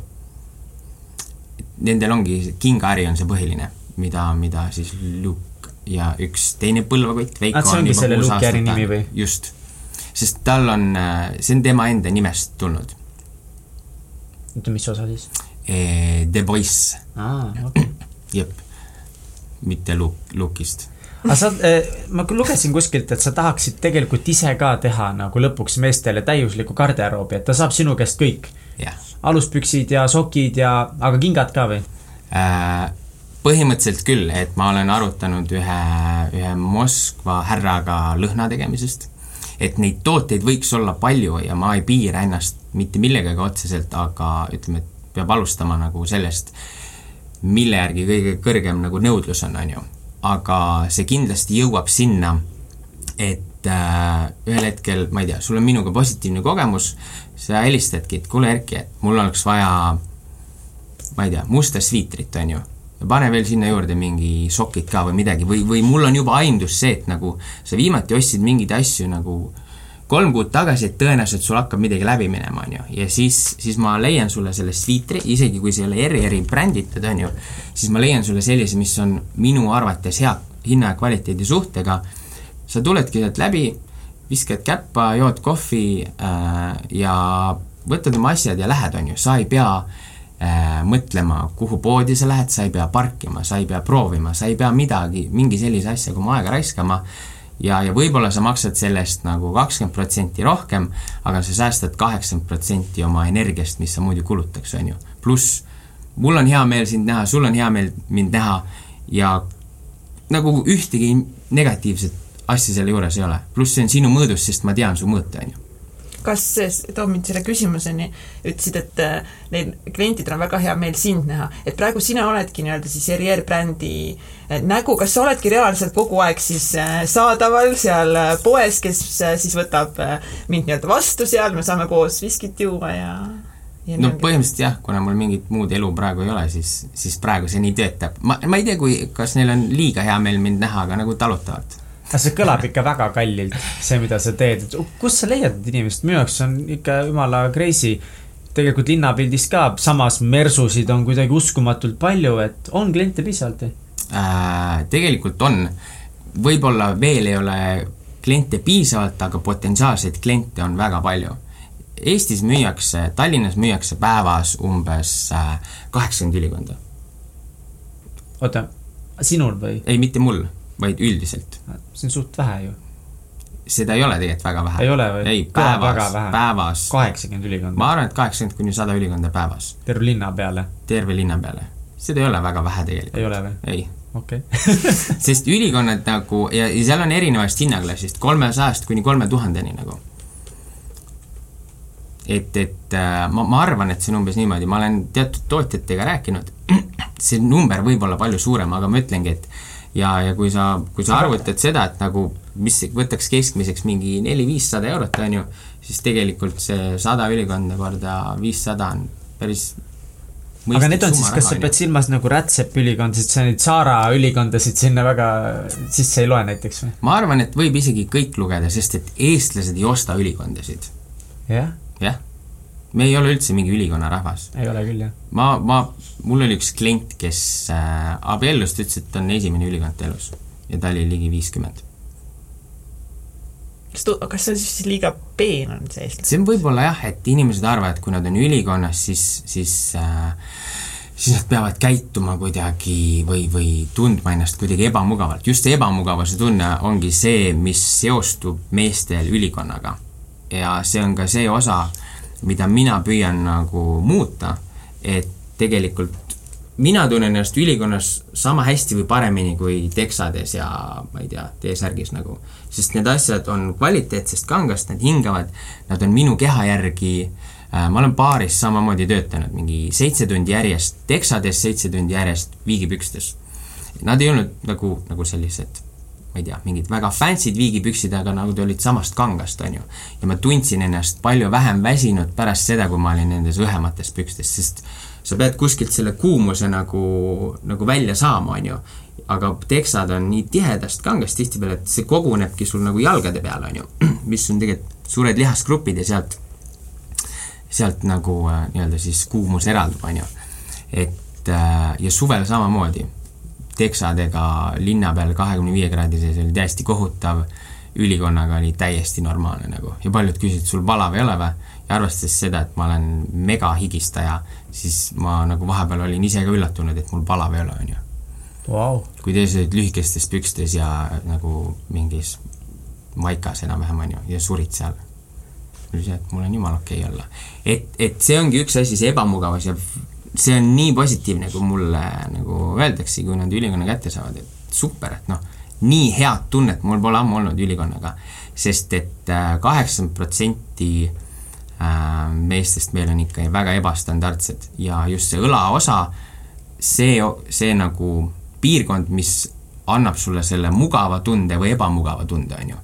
Sest kui sind nagu kuidagi need käed ei ole seal pintsaku sees mugavalt, siis sa tunnedki, et nagu sa ei taha seda selga panna, sa tahad selle minema visata kuskile, on ju. mul õla, õlad hästi mul istuvad, ma olengi, ma olen noh, odavaid ülikonnas ostnud kuskilt saarest ja nii, õlad hästi istuvad, aga tast ümbert on alati kuidagi vale, ma olen nii peenike, et noh kõik, mis läheb õlgast allapoole, on alati kuidagi täpselt sihuke tunne on. aga, kui palju, aga kui palju sülikonnad maksavad siis, mis hinnavahemik on? Meil on nagu seda on super hea nüüd öelda, sest alati mingid nagu custom asjade tootjad ei ütle sulle kunagi mingit summat, sest see kõik alati oleneb mingist tujust ja ilmast ja materjalist ja värvist ja veel kümnest asjast, aga me sellepärast nagu Henriga tegimegi selle asja nüüd lihtsaks. et äh, see kollektsioon on fikseeritud hindadega, et kõik saaks kohe alguses nagu aru, mis see damaaž seal on, on ju, ja ta teab sellega arvestada juba. ja seal on piisavalt palju kangaid ja valikuid, et sa peaaegu saad ikkagi seda, mida sa tahad, on ju. mitte see, et noh, sa pead musta võtma, on ju, sest et noh, kui sa tahad midagi muud, siis sa maksad kaks sotti juurde. et äh, ja me üritasime tuua selle hinna nagu nii mõistlikule tasemele, et ta oleks nii-öelda, jääks ikkagi väga kvaliteetseks, aga samas äh, oleks äh, vastuvõetav ka nendele inimestele võib-olla, kes noh, kui sa ostad kümne aasta jooksul ühe ülikonna, siis kuussada kuuskümmend eurot ei ole palju nagu. okei okay,, nii circa seitse sotti? jah, ja kui sa võtad vestiga, siis on üle seitsmesaja, kui sa võtad ainult pintsaku, siis on nelisada nelikümmend no ütleme nii, et selles hinnaklassis mingit pintsakut ma tahaks küll endale kunagi osta. et see on nagu eriti tehtav. kui ta on nagu täitsa tailored made, jah. et see on, selles mõttes ta on jumala tehtav, et kui sa võtad leti pealt nüüd seal mingi kolme-neljasajas ülikonna, on ju, mis sulle lihtsalt ei sobi, siis on see, et sa ostad endale mingi toote, mida sa tunned, et sa pead ostma, aga sa ei taha tarbida, on ju, siis tegelikult see neli sotti on suurema tõenäosusega lihtsalt maha visatud, kui see, et sa paned sinna veel nagu kaks sotti otsa ja sa saad asja, mida sa tegelikult tahad kanda, on ju. ehk siis kogu su kogemus selle tootega muutub kardinaalselt. Kas sa tundud nagu megapositiivne inimene mulle? ei ole. ei ole üldse? aga kas see ettevõtlus vahepeal ikka ära ka muserdab, ära ka väsitab ja sa ütlesid, et ettevõtlus, eks paljud teavad seda ja ma olen ise ka näinud, et ongi selline igapäevane struggle. lahing ja struggle nende murede ja väljakutsetega, kas sa vahepeal ära ka väsid või kas vahepeal kopa kätte viskab või? eks ikka, aga et sa väsid tegelikult sellepärast ainult ära, et sa ei suuda enam positiivne olla. Ehk siis äh, probleem ei ole nagu teistes, vaid sinus. ja ettevõtluse selline, mida võib-olla liiga tihti ei räägita, on see, et et olla ettevõtluses edukas, sa pead tahtma kellegi teise elu paremaks teha, mitte enda elu. kui keegi räägib, et ta tahab saada ettevõtjaks, et rikkaks saada, siis ma ütlen, et sa ei saa. sest et see ei tööta niipidi sest sinult tullakse ostma tooteid ja teenuseid siis, kui sa tahad, et sinu kliendil hea oleks. Mitte sellepärast, et klient sulle raha tooks nagu.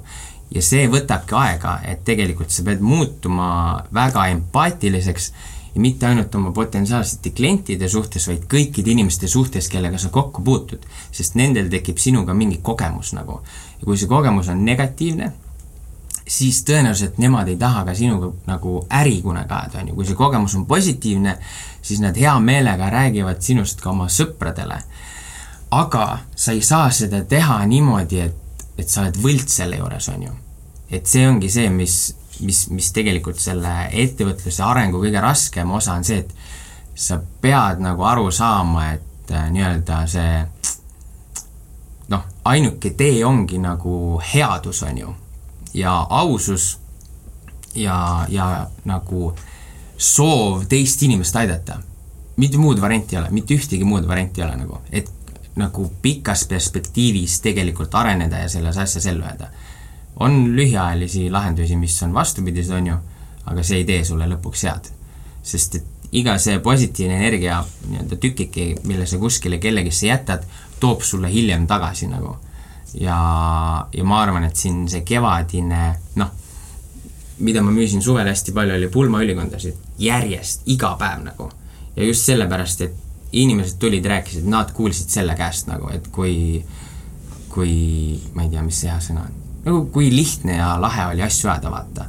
kui palju nad ise said otsustada ja, ja kui paindlik kõik on, on ju. et nagu, kui sa oled oma ärijuht ja oma elu eest vastutav, siis sul ei ole, sa ei pea minema samadesse reeglitesse, kuhu kõik teised suured firmad lähevad või, või kuhu lähevad inimesed, kellel on tähtis oma mingit omapärast pilti hoida, midagi, sul on savi nagu. Ja mina, mina võin kusjuures omalt poolt seda kliendikogemuses ju kinnitada, et kui mina esimest korda Erkiga kohtusin ka läbi tuttava soovituse, meil oli ühel, ühel telesaate projektile vaja meeste ülikonda, ma läksin sinna meeskoopasse, see on ikkagist meestele suunatud koobas, mind võeti ülihästi vastu, me leidsime väga hea lahenduse ja ja ma tean, et vist, kas Egert, kas sa olid ka, olid ka sel hetkel kaasas seal või? Seal või mingi hetk sa käisid, käisid ka Erki juures seal koopas, ühesõnaga käisime ka oma kiiratuga seal ja siis minu meelest mida? ei, ja lihtsalt ma, ma tean nagu seda, et, et eh, kas see, ma loodan, et see ei olnud ainult minu peas või tegelikult sa ütlesid ka seda, et, et siit ma tahaks ka endale ülikonda tellida, oli see ju niimoodi, on ju, jah, sest see, see kogemus seal oligi päriselt see ehe. Ja see nagu ma kindlalt tean, et, et ka Egerti pulmaülikond tuleb Erki käest, sest eh, lihtsalt noh, mida sa Erki enne rääkisid? mehed ei taha ülikondasid osta, aga naised on need, kes Ei. ütlevad, et sealt on ülikonda aga vaja., aga e Egert päriselt tahab, nagu Egert on see mees lihtsalt niimoodi. me lähme puhkusele kuskile, ütleme üheks ööks, mina pakin enda siukse spordikoti mingeid nagu asju täis ja siis on Egert, kes võtab kaasa varu äh, triiksärgi, mille ta paneb nagu reaalselt selle, mis on riidepuu peale, siis võtab kaasa varu pintsaku, sest võib juhtuda, et midagi läheb, me peame üheks õhtuks. ei no aga kui juhtub ja mina lähengi oma väikse kotiga ja tema võtab kaasa mitu riidepuud, mis lähevad autosse nagu. nii et tegelikult on see mees, kes armastab häid riideid ja ilusaid ülikondasid, nii et. kui keegi meid täna esimest korda kuuleb, siis Egert on meie tehniline tugi, meie vaimne tugi, meie spirituaalne tugi, kõik, kõik toed ja ta seisab, istub seal suurte arvutite taga, klapid peas ja kunagi ei ütle midagi. seisab mees kui tammepuu. ja jah, jah. Et ühesõnaga, ma arvan, et Erkil on väga hästi õnnestunud see, just see, et parim soovitus on suust suhu soovitus, mis, mis ülihästi toimib, aga selle jaoks on vaja teha ikkagi päris palju tööd, et see endaga on palju tööd ja see ei toimi kõikidele, vaata, selles mõttes, et sa, kui sa oled mingisugunegi äh, poolsegane, mingi Põlva vend, siis sa tõenäoliselt suhtled hästi nendega, kes, kes, keda see ei häiri, vaata, kes ongi, näevadki maailma niimoodi, et sa võidki teha, mida sa tahad, kuni sa kellelegi liiga ei tee, on ju. et kindlasti on inimesi, kes tulevad sinna ja nad võib-olla ei saa minust aru, sest et ma ei allu väga hästi nendele reeglitele, mis, mis siiamaani on nagu loodud, on ju, et kui keegi tahab nagu ma ei tea, ütleb, et äh, see, seda tüüpi ülikond ei sin-, sobi sinna olukorda, on ju, siis ma ütlen, et noh, ma ei tea, kui sa nii ütled, siis see nii on, kui sa nii ei ütle, siis see nii ei ole, vaata, et sina otsustad. okei okay,, on black tie event, slaš presidendi vastuvõtt, jah, sinna ei ole viisakas minna sellise ülikonnaga, aga see aasta seda tehti. Anna Viik, kes, kes aitas, aitaski, tema aitaski mul selle esialgse, selle kontseptsiooni, mis ei puudutanud veel ülikondasid, kokku panna, tema tegi sellise korralik bängar disainerülikonna ühele, ühele tüübile seal. mis see tähendab? mis osa sellest? bängar. bängar, no selline silmapaistev nagu. bängar on see, mis nagu pumm noh. Jaa, kümnesse vaata. jaa, et äh, kui sa vaatad, siis sa näed, et teeb nagu. see, mis eraldub hallist massist. jah, või sinisest massist aga kas kõik hästi... mehed peavad minema muidu on mustades ülikondades endale? issand, ma ei ole kunagi tähele pannud seda. ja naised saavad olla ainult värvilised. ongi. täiesti ebaaus. täiesti. täiesti mõttetu nagu, mitte ebaaus jaa, kinda. aga üks asi, mis mulle meeldib, mis sa oled rääkinud just, et äh, et edukad inimesed peavad aega säästma sellepärast, nad peavad ka ostma sinu käest kõik riided, säästavad aega kõvasti. kas sa ise ka elus siis? no nad ei pea, aga nad võivad. no võiksid. oleks tore. oleks tore. et kuidas sa ise oma elus plaan-, planeerid oma aega, on sul mingid kõvad harjumused ka, et sa ütlesid, et iseendaga peab palju vaeva nägema ettevõtluses ka. kuidas mm -hmm. sa teed seda? ega kok-, kokkuvõttes see kõik harjumustele taandab, sest probleemid jäävad meil alles, vaata ka Warren Buffettil on rahaprobleem, kuigi tal on kuuskümmend kaks miljardit, tema rahaprobleem on lihtsalt natuke parem kui minu rahaprobleem, et mul on arvel viiskümmend eurot, on ju. aga rahaprobleem on sama, on ju, tema eesmärk on teine ja tema miks põhjus on nagu teine, on ju. aga see algab ikkagi enesetundest, et kui ma tahan pakkuda head kliendikogemust, siis mul peab olema hea, on ju. kuidas sa teed endale head? pigem võib mõelda, kuidas sa endale mitte head ei tee et noh, sa pead hoidma ikkagi ennast nagu eh, heas, hea tervise juures, on ju, füüsiliselt äh, olema energeetiliselt nagu põhimõtteliselt ikkagi nagu samal või kõrgemal tasemel kui su kliendid, on ju, see tähendab seda, et äh, noh, ma ei tea, sa ei saa nagu peoga lappesse minna, kui sul järgmine hommik on klient, on ju. sa ei, nagu, sa ei saa endale lubada seda, et sina pakud talle endast kehvemat versiooni, kui sa tegelikult olla tahaks. ma käin hommikuti jooksmas viimased nagu ma ei tea, aastad äh, või kui jooksma ei jõua, kas või see mingi kolmkümmend kätt ei kõverda just, natukene midagi, et sa oled nagu nii-öelda tõestanud äh, oma kehale seda, et kui sa tahad, sa suudad teha mida iganes sul vaja on. külm dušš aitab, aga see on lihtsalt minu enda eelistus, sest et ma ei taha esimese asjana kohvi juua hommikuti, siis mul hakkab palav ja ma hakkan higistama ja sama asi. siis ma tunnen ennast ebamugavalt, siis ma ei ole jälle oma see kõige mõnusam versioon, on ju Äh, ja pigem ongi, tarbid seda infot, mis teeb su tuju paremaks, mitte halvemaks. aga enesearengu mõttes on vaja tarbida ka päris palju seda infot, mis teeb su tuju kehvaks, et sa saaks aru, mis maailmas reaalselt toimub, on ju. aga samas seda sa pead tegema õigel ajal, kui sa pärast seda saad näiteks üksinda olla. sest minu meelest kõige lollim asi, mida nagu inimesed teevad, on see, et Nad loevad mingeid uudiseid, pärast tööpäeva lähevad oma sõpradega kuskile õlle taha istuma ja arutama mingeid maailma asju. milleks nagu? et, et selle, et selles mõttes, et meil oleks kolmekesi tore, selle asemel teeks nii, et meil oleks kolmekesi kehva, vaata. ja samal ajal, kui sa oled purju, siis kõik need emotsioonid intensiivistuvad, on ju. mis on, millega sa teed veel topelt endale halba, on ju et sellepärast äh, igasugu ainete tarbimine, mittetarbimine peaks olema ka vastavalt nagu tujule, sest tõenäoliselt selles tujus, milles sa seda teed, sellest sa saad ka nagu pikemalt selle endale nii-öelda endaga kaasa, on ju aga mulle füüsiline liigutamine töötab ülihästi, no mul on alati nii hea meel pärast, kui ma teen mingi pooletunnise jooksu või midagi sellist. et äh, pluss, kui ma mõtlen, et ma olen kolmekümne ühe aastane ja ma tahan viiekümne aastaselt ka nagu äh, ikkagi nagu jõuline olla ja ma ei teagi, mis need fancy'd sõnad on, vitaalne ja energeetiline, energiline ja nii edasi, siis nagu see on nii tähtis osa, vaata, kui sul on ükskõik oma kehast, siis sul on ükskõik oma tulevikust. see on täiesti pohhu, noh. kui sa ei, sa ei, sa ei saa lubada endale seda, et sa oled kolmekümneaastaselt mingis räiges ülekaalus või kuidagi nagu, nagu sellises konditsioonis mida sa ei tahaks olla kuuekümneaastaselt, sest see ei muutu, vaata. see ei ole niimoodi, et oh, ma jään vanemaks ja siis mul tuleb maagiline six-pack kuskilt. ei, see asi läheb veits vastupidi, on ju, et, et selles mõttes see on üks asi, mis, äh, mis mulle väga-väga meeldib ka minu klientide puhul, et väga paljud on väga heas vormis, nad on sellest aru saanud. et kui nad ei hoia oma keha tervena, siis nende mõistus ei ole nii terav nad ei ole nii suure eneseusuga, nad ei ole nii suure julgusega, neil ei ole nii palju enesekindlust. Äh, ja see on, see on väga tähtis, et sa ennast lihtsalt hästi tunneks ja lõpuks teeks neid õigeid otsuseid, mis aitavad sul pakkuda erilist kogemust ja head teenindust teistele inimestele.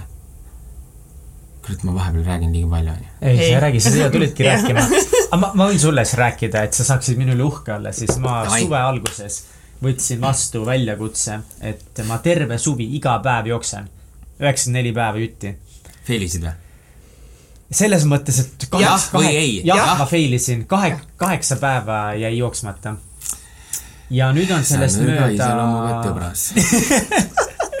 kuule, aga ikkagi, ma enne ei jooksnud kunagi ja, ja nüüd, ei, mind huvitab, saja kahekümnest päevast olen ma nüüd jooksnud mingi sada Need vabandused võid rääkida oma kassile kodus, ka teda oh, mida sul ka ei ole. mida sul ka ei ole sa kassi vihkajast mitte jooksja.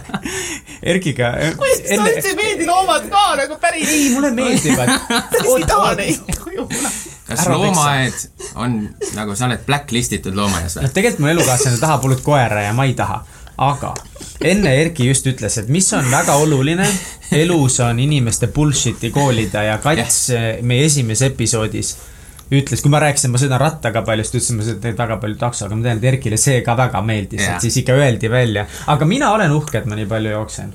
see on, ma tegelikult tegin väga suure arengu edasi ja see enesetunne, kõik see on ma olen ka uhke ja ma olen isegi rohkem uhke sellele, et sina uhke oled, sest ma arvan, et enda üle peab uhke olema kui sa ei ole selle üle uhke, mida sa teed, siis nahku sa seda teed mm. -hmm. on ju. ära siis tee, tee siis seda, mille üle sa uhke oled mulle väga meeldib Erki juures ka sinu ausus ja see, et kui ma kirjutasin Erkile, et ta võiks tulla meie podcast'i ja siis ta kuulas esimesed äh, paar minutit meie esimest podcast'i ja ütles, et tal hakkas paha kuulates meie podcast'i ja kuidas me kasutame sõna täitsa pekkis, nii nagu me ei peaks, ta ütles, kasutame kogu aeg iga teise sõnana tegelikult mulle meeldib sinu ausus ja mul on ikkagist hea meel, et sa tulid siia podcast'i, olenemata sellest, et esimesed kogemused olid südant pahaks. südant lõhestavad. ei, mul on ka hea meel, aga ma ei saa nagu seda, nagu ma tean, et on äh, selline hea maitse piir, on ju mm, -hmm. aga mhm. vahepeal ma ei saa väljendamata jätta seda ausust, sest ma tean, et kui ma ei ole teiste vastu aus, siis ma ei ole enda vastu aus. ja see süveneb nagu aja jooksul. kõik need väiksed asjad ja kuna te võtate, te teete neid asju sellepärast, et areneda, ehk siis kriitika on teile vajalik, see ongi see, mida te ootate, on ju, samamoodi mina. et äh, kui keegi ütleb mulle, et kuule, see, kuidas sa seda asja teed või näed, on mingi täielik jura, on ju, siis ma ei nagu, ei lähe koju nutma, et nagu kuidas ta mulle niimoodi paljud inimesed on sulle öelnud näiteks, kui sa alustasid oma ülikonna business'it, et kuule, et Erki nagu come on mees, lõpeta see jama ära. Ega ei olegi eriti, sest ma, ma ei, ma ei lase nagu eriti kellelegi öelda ka midagi see läheb küll väga hästi kokku sellega, mis just kaks aastat tagasi ütlesid. et ei, kriitikat on ikka vaja ja inimesed peavad nagu ikka ütlema ei, ma kuulen hea meelega, aga, aga ma tihtipeale nagu, kui mul on see, et miks need asjad nii on, on ju mingi kindel põhjus, mis ei ole praegu võib-olla minu võimuses teha, et nagu keegi ütleks, et nagu see osa sellest nagu ülikonna mudelist, nagu see mulle üldse ei meeldi, on ju, siis me ütleme, et davai, me teeme ainult sulle selle teistmoodi, aga ma ei saa teha seda kõikidele teistele mingil kindlal põhjusel, võib-olla see kulu oleks liiga suur, võib-olla see traditsioonilisus selles aspektis kaoks ära, on ju. aga, aga ei, hea meelega, eriti palju ma olen tagasi saanud oma, oma kirjutamistest, turundus, fotovärkidest, mingitest videoprojektidest, on ju, et seal nagu sõbrad hästi ausalt ütlevad, et kuule et äh, saaks nüüd seda paremini teha. Nad ei ole eriti karmid mu vastu, sest nad teavad, et ma saan aru sellest nagu väiksest sõnast ka, on ju.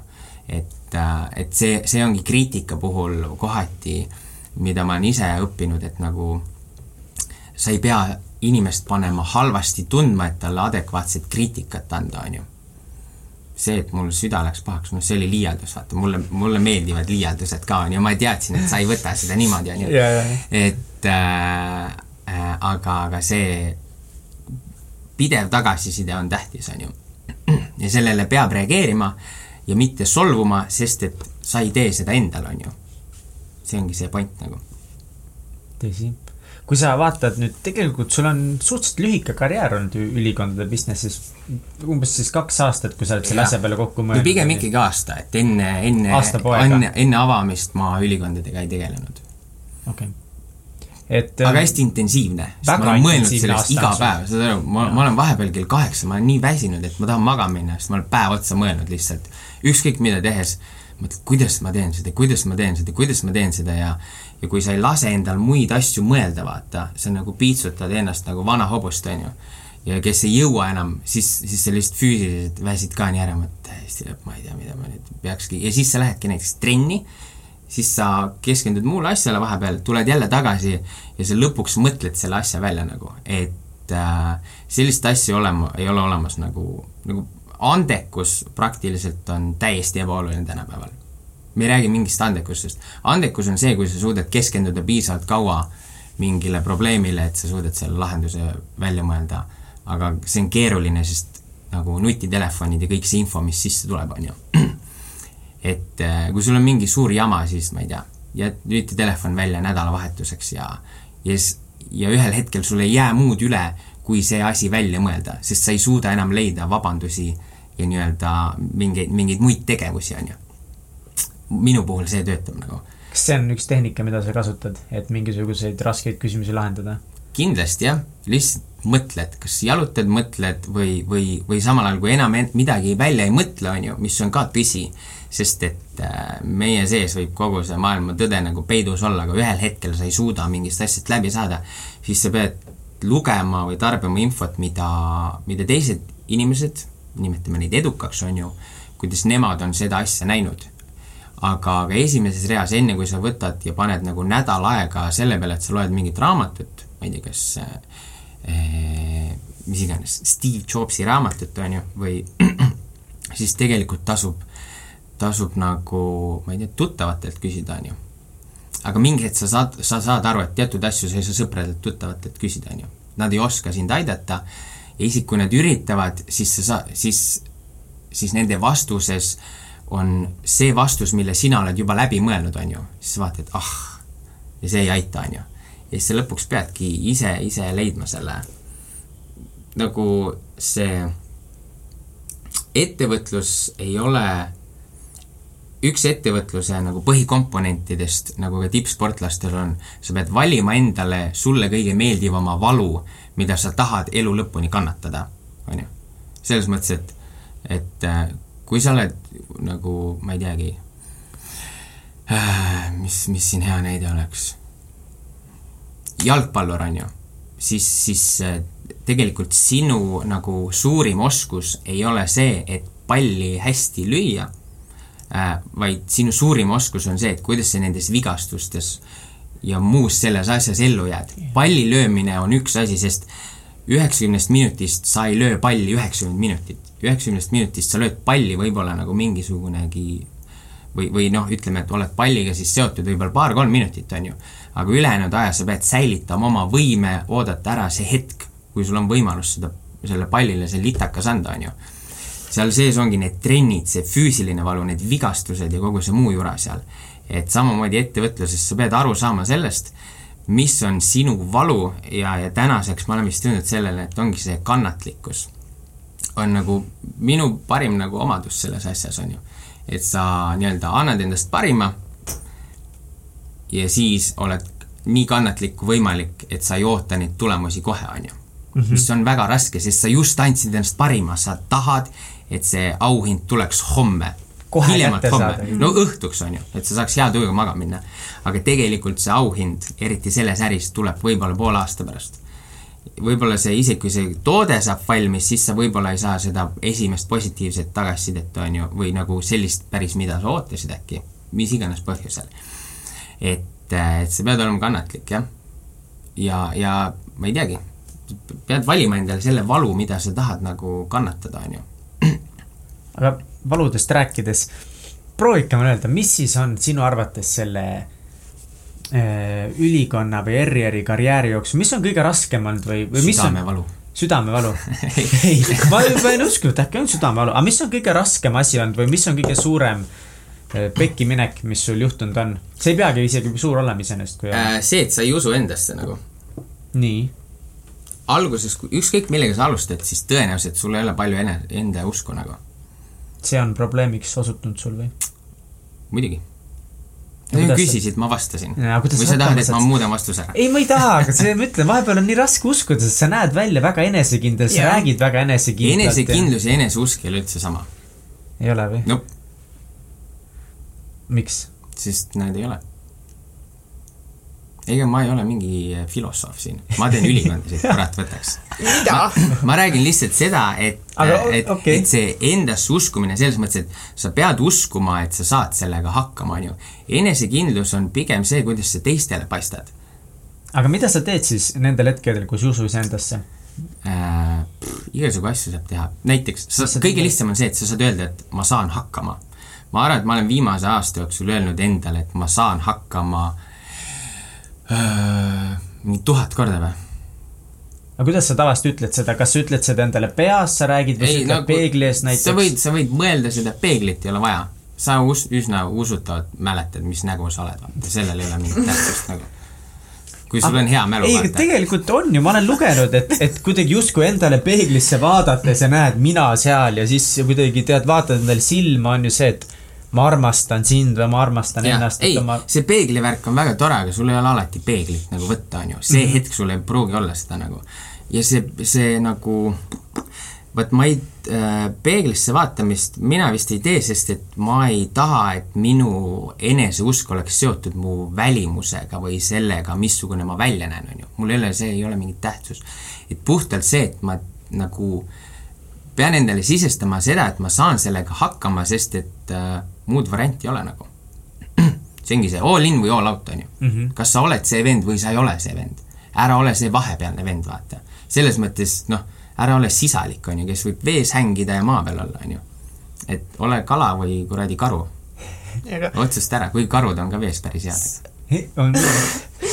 aga siiski, ostes nagu sinu käest sellise ilusa ja hea ülikonna, siis see siiski võib tõsta ühe mehe nii eneseusku kui enesekindlust. kindlasti, muidugi, aga, aga see ei, see ei nii-öelda enesekindlust kindlasti, sest sulle tehakse komplimenti, eriti kui sulle teeb mees komplimendi, siis sa nagu äh, vaatad, et okei okay,, ma olen mingi huvitava otsuse teinud, miks mulle mingi teine mees teeb komplimendi. kui sulle naine teeb komplimendi, siis ära seda usu, see on suva see on, see on okei okay., naised võivadki komplimente teha, mehed teevad naistele komplimenti, see on normaalne.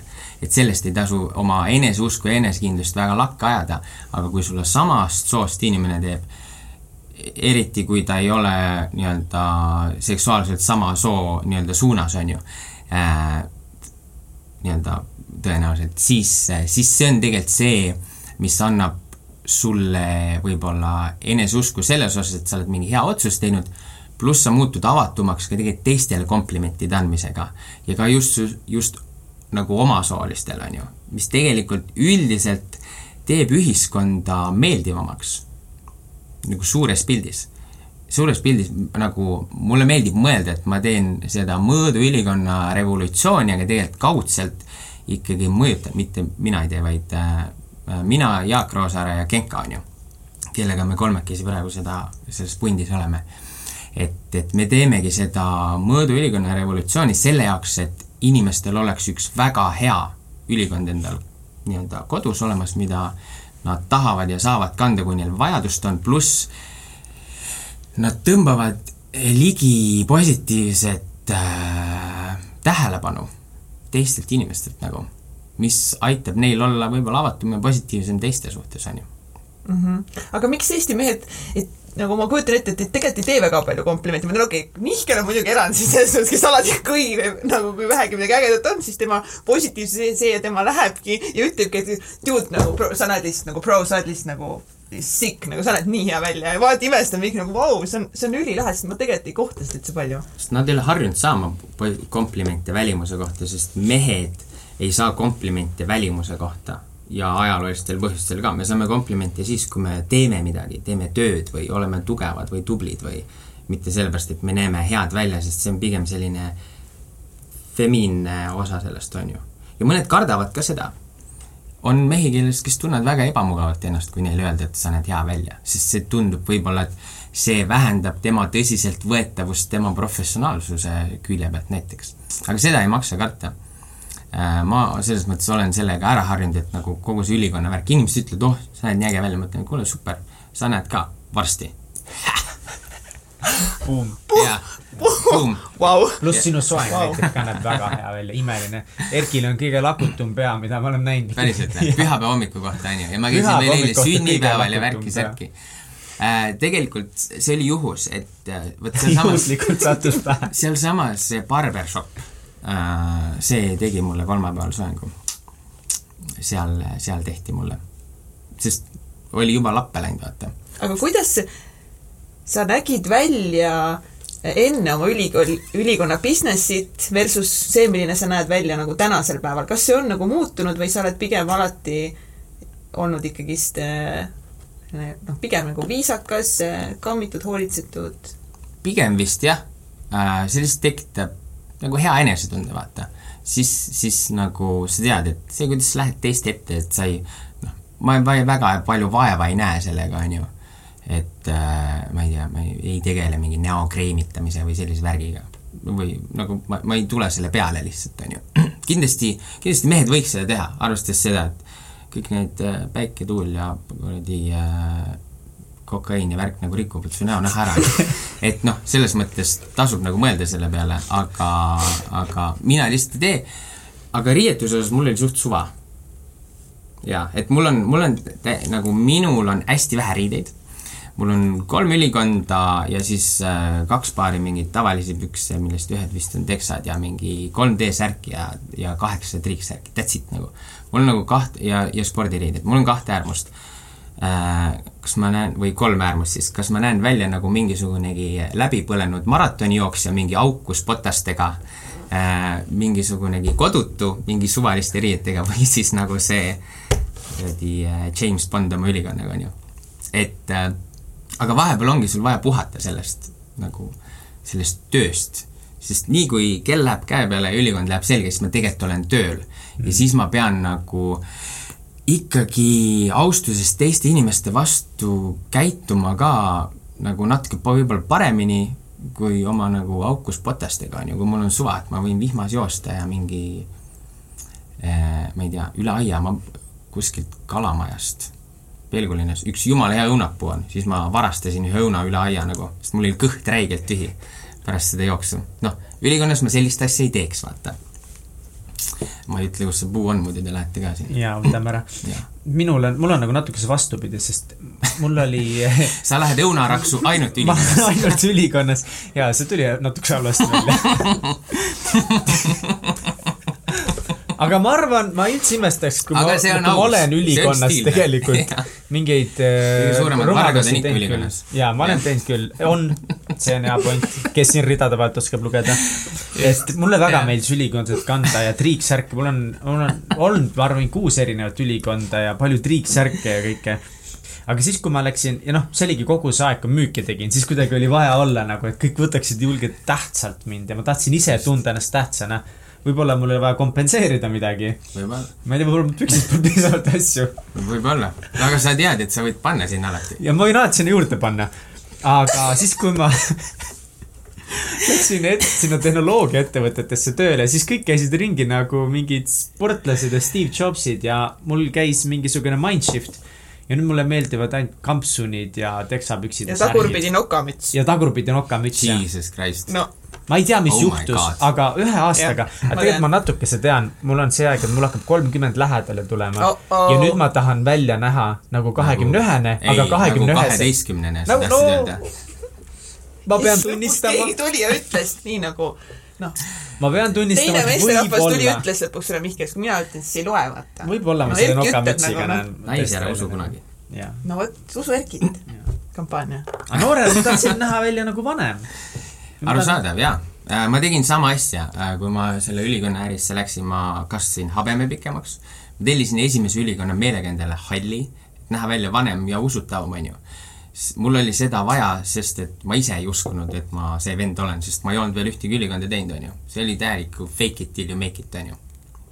seda ma ütlesin ka muidugi, aga ikkagi, kui äh, no mina ei tea, George Clooney ütleb, et ta ei ole George Clooney, vaata, siis sa oled selline äh, no sa ikka oled, vaata. ja kui sa nagu ütled, et kurat, ma selles ülikonna värgis nagu väga hea ei ole veel, onju, aga sa näed välja nagu sa oled, siis nagu inimesed on see, et no vaatame, anname sulle mingi võimaluse, vaata. et selles mõttes see töötab. tead, et George Clooney sai eh, pärast Bondi filme tehes kõik need ülikonnad endale? seal oli mingi paarsada vist kokku neid Hugo Bossi mingeid ülikondasid ja asju. jõhker. Praegu teeb. Bondile vist ülikondasid äh, Tom Ford, viimasele Bondile tegi Mm. väga äge tüüp, Youtube'ist vaatasin ta videosid, ülipositiivne vend. ja eks sealt, sealt ka natuke ma olen seda, seda mõttemaa, malli nagu nii-öelda äh, kopeerinud, on ju, ja ma saan aru, et tema on edukaks saanud tänu sellele, et ta on lihtsalt nii meeldiv inimene. ta on seda ise öelnud ka, et nagu see lõpuks loeb nagu, ära ole asshole, noh nii lihtne ongi, midagi muud ei ole, aga, aga Tom Fordi äh, jaa, nägid väga head välja viimastes Bondides kas sul on ka keegi nii-öelda unistuste mees, kellele sa tahaksid ülikonda disainida? Mihkel, unistuste mees. oh my god, mul ei ole tegelikult äh, mul ei ole nagu mingit äh, kuskil mingit salalisti unistuste meestest, vaata. Või täiega võiks olla, mis mõttes ei ole? Brad Pitt, kes seal võiksid veel olla, David Beckham, Äh, ma oleks tegelikult MacGregorile hea meelega ülikonna teinud, aga kuna ta nüüd alustas oma enda ülikonna brändi mingi tüübiga, siis see vist jääb ära, onju. et sellised äh,, mulle meeldivad miskipärast sellised vennad, noh, okei okay,, ta on nagu selline ülbik ka ja see on kõik mm -hmm. turundus lõpuks, onju, aga mulle meeldivad inimesed, kes tulevad mitte millestki ja lihtsalt ei lase teistel inimestel öelda, mida nad peavad tegema, onju. sellepärast mul on äh, ERR-i logo peal on bullterrier, onju sest need on tegelikult segased loomad, nad on äh, aretatud võitluskoerteks, ehk siis, et nad oleks maksimaalselt sotsiopaatsed, on ju, et sa oled aretatud selleks, et tappa oma liigikaaslane. kui kaugele, kas sellest on veel midagi kreisimat, on ju? Aga kuna neil on ka nagu teatud nagu empaatiavõime inimeste vastu, on ju, siis nad võib-olla oma omanikuga käituvad veits paremini, aga vaatamata sellele nad on isepäised, nad lähevad ikkagi, teevad seda, mida tahavad. Ma arvan, et siis see on ainuke viis, kuidas ikkagi innovatsioon ja evolutsioon nagu edasi läheb, on ju, sest kui me teeme kõik neid asju, mida me näeme, mida teised teevad, siis midagi ei muutu, vaata. ja sellepärast nagu ma ütlen, et mul ei tule kohe pähe, ma ei tea jah, Vladimir Putin oleks päris hea klient, on ju. ta on ka segane peast ju. Vaata, selles mõttes. ta ei ole küll positiivne kangelane tingimata, aga ta viib maailmas läbi muutust. me ei saa nagu sellele nagu ei kindlasti, ma arvan, on vähe ma arvan, võib-olla polegi ühtegi inimest, kes talle ütleks, mida teha temaga on küll kellad, on ju, et selles mõttes, kui ta ütleks mulle, et ta tahab seda mustriga kangast, siis ma oleks selline, et Linn, ma vist ei ütle, et kuule, see on veits gei, võta see teine, vaata. et nagu jah, on inimesi, kellega nagu, aga, aga ma arvan, et ma alustaks ikkagi Riigikogust. et rahvaesindajad äh,, osad ei ole üldse ilusates ülikondades ja vanalinnas ma näen neid, vaata. et kas sa lähed ka juurde ja ütled, et ma ei ole veel läinud, sest et ma ei pea ennast äh, nii äh, ma ei pea endast või ma ei arva endast veel nii palju, et ma läheks Riigikogu liikme juurde nagu tühja koha pealt, on ju. Ja läheks kritiseeriks teda. sest tema on sinna valitud rahva poolt, see, kuidas ta välja näeb, on tema asi kokkuvõttes. aga küll ma kindlasti teen seda positiivses võtmes. et äh, miks mitte, on ju Äh, sest ma ei ole näinud, et tegelikult kriitika on lahendus või üldse aitaks mind kuidagi kaasa, isegi kui ma seda äh,, seda arvan ja see ei ole ka nagu nii intensiivne, ma lihtsalt arvan seda, et nad saavad piisavalt mõistlikku palka, et nad võiks normaalsed välja näha, on ju. ja, ja ma ei räägi nagu snobistlikust väljanägemisest, et nad peavad olema maksimum lakutud, aga lihtsalt osadel meestel on näha, et nagu nad ei ole nagu peeglisse vaadanud, et noh, see kogu see värk on nii random seal, vaata ja ilmselt nende puhul pigem naised ongi sellised, kes neid viimases hädas nagu poodi utsitavad, et kuradi aja kark üles ja varsti tulevad uued eh, valimised meil, siis ma arvan, et eh, Erki peaks minema tegema enda kampaaniat Riigikogust, kui te tahate nagu saada valituks kas KV-sse või Riigikogusse nagu lihtsalt nagu ma, lihtsalt, ma aitan teie šansse suurendada, mehed nagu no päriselt, mis, mis natuke aitan see no, ei ole kusjuures vale, selles mõttes, et kui keegi tuleb nagu natuke julgema välimusega välja, siis äh,, siis see kindlasti jääb silma inimestele. osadele see ei meeldi, sest et siis nad mõtlevad, et inimene kuidagi tahab olla nagu pealiskaudsetel põhjustel uhke või, aga seda kõike saab väga nagu äh, meeldivalt teha, et sa ei võta seda tumesinist ülikonda, sa viskad sinna väikse truudu või triibu või vimka sisse ja sa juba jääd silma nagu. ja olgem ausad, poliitikud on kõik ülikondades sellepärast, et see esindab äh, austust, väärikust ja võimu, on ju. Nad ei käi valimistel ja klienti või nende valijatega suhtlemas nagu, nad ei käi mitte kunagi teksapükstes, noh. välja arvatud Märt Sults. noh, ta on, ta on loom, tal on poogen, vaata. et selles mõttes ma arvan, Märt võiks tulla väga sinu juurde ja lasta midagi väga šefi teha. jah, segased vennad, aga selles mõttes noh, see on, see on õige point nagu, et kes tahab järgmised valimised võita, võib tulla läbi küll. ma annan mingit Ma olen sellega- selles mõttes nõus, et sa pead ikkagi eristuma ja sa pead ja sa peadki mingitele inimestele mitte meeldima, ma hästi usun seda, et kui sa tahad teha midagi kuidagi erilist või midagi suurt või midagi pakkuda ühiskonnale, siis alati on inimesi, kellele see ei meeldi ja see on okei. Okay,, sellepärast et kui sa meeldid kõikidele, siis see on nagu teada, et sa ei meeldi mitte kellelegi piisavalt, sama näiteks selle podcast'iga, et noh, see meie stiil ja kuidas me seda teeme, kindlasti on mingeid inimesi, kellele see võib-olla üldse ei meeldi, see ei ole nagu yeah. neile, aga see garanteerib selle, et on kedagi, keda just see stiil väga kõnetab. Mm, -hmm. et kui me teeks nagu siukest noh, täiesti kuidagi mingit generic stuff'i, siis noh, mitte keegi tegelikult ei viitsiks kuulata, see ongi see, et ah, norm, aga noh, homme ei mäleta see võib muutuda ka ju. mulle paljud asjad kunagi ei meeldinud, mis nüüd meeldivad. mm. -hmm. näiteks. mingi päikesekuivatatud tomatid. suht tevi värk on ju. Noh, nagu ükskõik, see on lihtsalt kõige lambim asi, vaata, kas, kas see on toiduga seotud, kas see on inimtüüpidega seotud. et nagu tihtipeale sulle ei meeldi ka asjad, mida sa võib-olla kardad natuke, on ju. Mm -hmm. ma ei oska öelda ja, ja tihtipeale nii-öelda no stereotüüpiseerimist on nii palju lihtsalt, noh, eriti just nende inimeste kohta, keda ei tunta, aga kes meedias käivad läbi, vaata aa, ta on raudselt selline ja no ta ongi selline ja vaata nagu no Lõuna-Eestist pärit olles siis äh, kunagi ikka nagu seda kuuleb ikka nagu pigem palju vaata sellist räiget üldistamist. ma küsin, et oled sa selle inimesega kunagi kokku saanud, oled sa temaga rääkinud, kas sa tegelikult tead, kes ta on, on ju ja siis, kui see vastus on ei, siis sa ütled, aga miks sa räägid sellest? sa ei tea temast midagi. sa ei tee sellega ennast targemaks nagu. et, et see noh, kõik need sellised asjad, mis tegelikult inimestel muutuvad, on ju. et see teie podcast'iga läheb samamoodi kindlasti. et osadele alguses väga meeldib, mis ongi hea, sul peavad olema need truehead, need nagu fännid, vaata. Neid ei peagi palju olema. sellest piisab, et ma arvan iga episoodi kohta, kui teile kümme inimest ütles, et kuule, see on jumala äge. Teile endale sellest on piisav, et seda edasi teha, on ju absoluutselt. nii lihtne ongi. ja eks samamoodi ma pidasin ka vastu oma selles äh, äh, raskes rännakus siin äh, tänu sellele, et mingid inimesed ütlesid, et ma teen õiget asja, head asja, on ju. ja, ja siis sa lihtsalt pead selle info ja energia siis muundama enda, enda nii-öelda tegevustesse, et, et, et mitte, mitte nagu seisma jääda ja otsima kergemaid lahendusi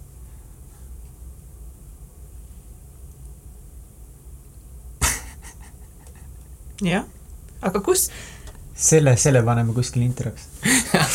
see, olgu, aga ma tahaks lihtsalt uurida seda, et, et kus sa, kus sa näed nüüd äh, ennast, ütleme, ma ei tea, kümne-kahekümne aasta pärast, kas sul on kindlad eesmärgid, kindlad äh, plaanid, kuhu sa tahad jõuda? Väga kindlad ei ole, aga ikkagi kindlad põhimõtted on, et need, need arusaamised, mis mind on siia toonud, on ju, nendega tuleb jätkata ja, ja eks näis, vot, vot praegu on nii suured muutused äh, tänu nendele koostöödele ja kolimistele asjadele, mul praegu ei, ma isegi väga hästi ei oska ette kujutada nagu, kui kaugele see teema jõuab, aga ma arvan, et äh, see nagu, ma arvan, et ma, ma pean nii-öelda looma või aidat-, aitama luua nagu mingit platvormi või, või veel mingit suuremat äh, lahendust, mis aitaks teisi inimesi ka, teisi võib-olla samasuguseid, mingeid alustavaid ettevõtjaid, on ju, kes tahaks mingit oma asja teha, aga nad ei tea, kuidas äh,. ja, ja võib-olla neil ei ole nii häid äh, kontakte kuskilt minevikust välja kaevata, on ju. Et nagu kellele helistada, kust seda saada. sest ma näen, et eestlased on megaettevõtlikud. see on üks asi nagu, mis on uskumatu me ei ole väga julged, me ei ole võib-olla väga osavad rääkimises, me ei ole väga head müügis. Äh, me oleme natukene tagasihoidlikud, aga me oleme megaettevõtlikud nagu ja nüüd ongi vaja selline väike suts nagu mõnele õigel hetkel anda, kas hea nõu või jõuga, on ju,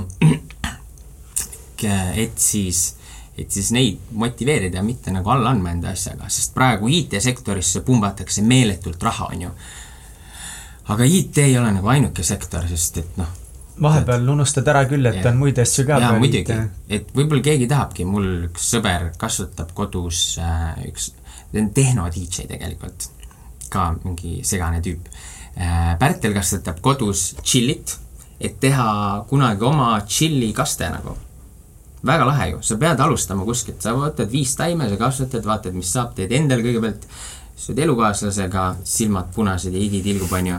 ja siis äh, kuradi järgmine päev kõht lahti ja siis äh, ja siis sa leiutadki selle lahenduse, mis tegelikult võiks sobida ka teistele inimestele, on ju, aga, aga tema nutikas, igati nagu nutikas kutt ja ta saab sellega hakkama, aga mingil hetkel võib tulla sulle ette barjäär, vaata. et mis nüüd nagu saab, on ju.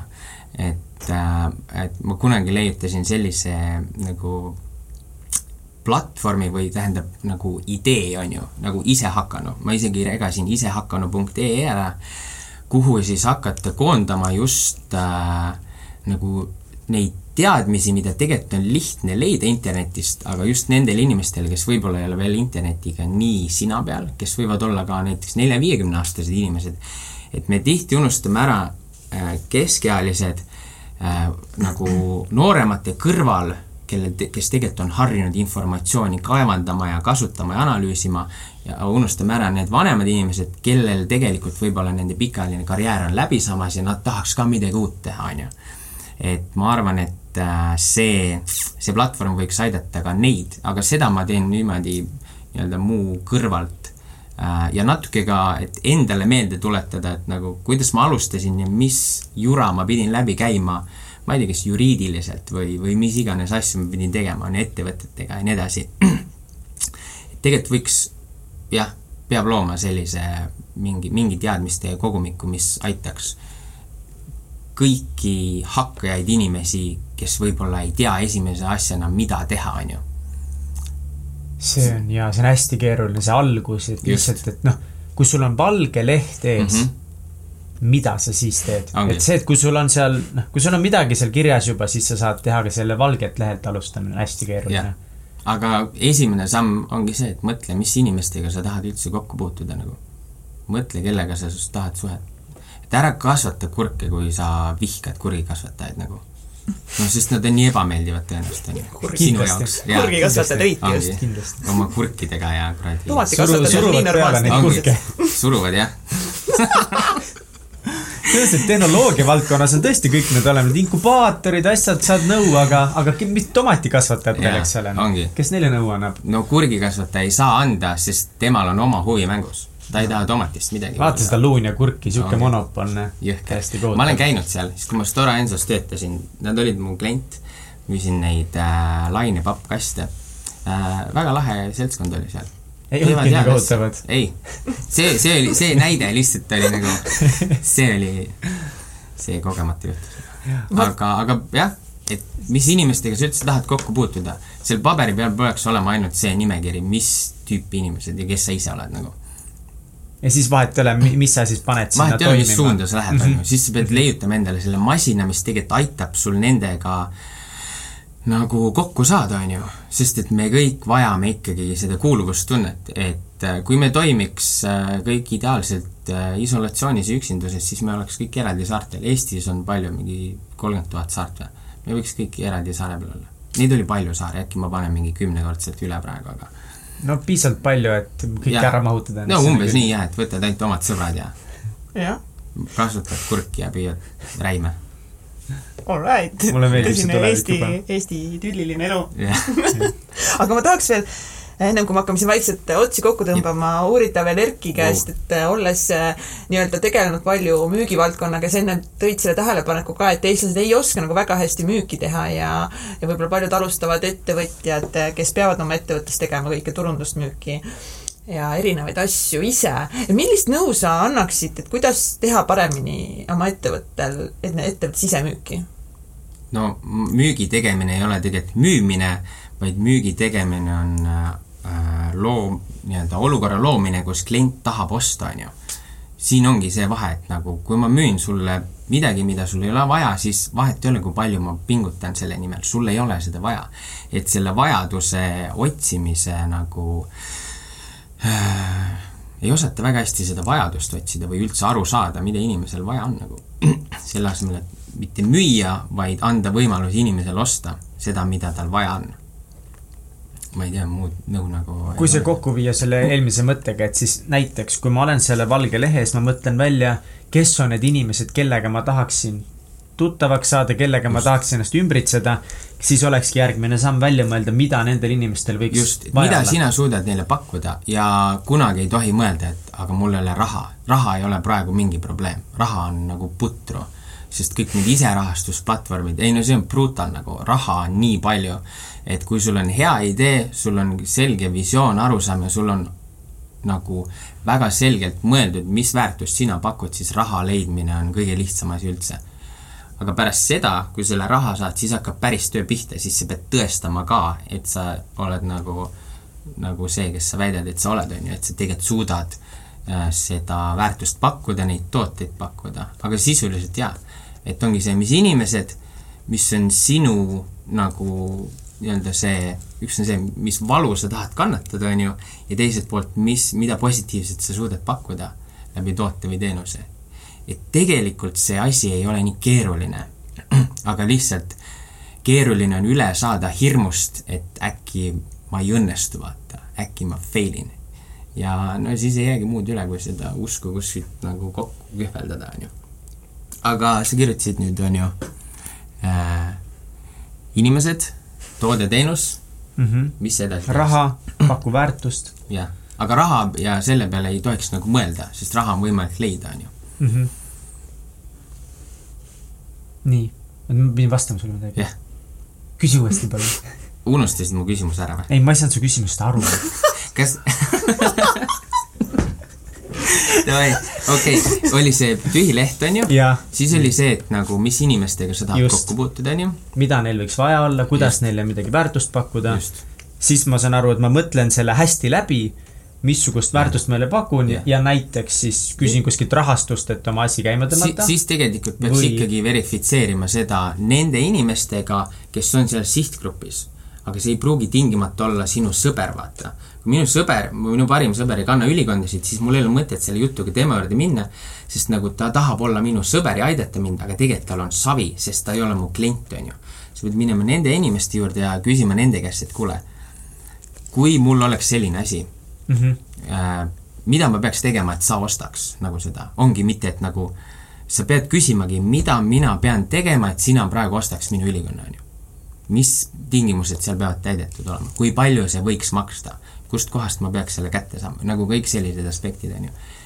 et vaata, kui me teeme, loome äri, et teha äri inimestega, on ju, sest mitte ettevõtted ei tee omavahel äri, vaid äri teevad või noh, inimesed teevad omavahel, on ju mm. -hmm. siis tegelikult toote verifitseerimine peaks ka olema inimeste vahel ikkagi. aga enne minu arust mainisime ka, et tihti öeldakse, et inimesed väga tihti ei tea, mida nad tahavad. jah, kuidas sa selle siin. aga sa alati tead, mida sa ei taha. Sa kirjutad kõik need asjad üles, mida sa ei taha True. ja iga kord, kui sa hakkad kokku puutuma sellega, mida sa ei taha, sa kohe tuletad meelde, et ma ei taha seda, ma ei tohi seda sinna minna, sest see raiskab mu aega ja niimoodi mul läheb oluliselt rohkem energiat aru saamaks, mida ma tahan. ma ka ei tah-, ma ka ei teadnud, ma nagu selles mõttes, ma sain kolmkümmend ja mõtlesin, et mul pole õrna aimugi, mida ma teen nagu mida helli, vaata. aga siis on see, et siis on juba see sotsiaalne, vaata, et sa peaks olema juba mingi vend, on ju. Ja siis ma võtsin kokku ennast ja nüüd nagu aastaga suht suutsin välja mõelda, mida ma tahan, välistades kõik need asjad, mida ma ei taha, sest neid on nagu palju, on ju, ja siis sa jõuadki lõpuks sinna. et see, nagu see endaga läbisaamine ja see endaga üksinda istumine, see ei ole nagu üldse nagu fun protsess, on ju kui sa just võib-olla samal ajal ei joo, aga seda ei tasu teha, seda tasub teha kaine peaga, vaata, siis sa oled ikkagi nagu ausam enda vastu. nii on. jah. No põhimõtteliselt me oleme nüüd siin valge lehe peal jõudnud, siis äh, kuhu me jõudsime? me teeme kohe sulle uue äri.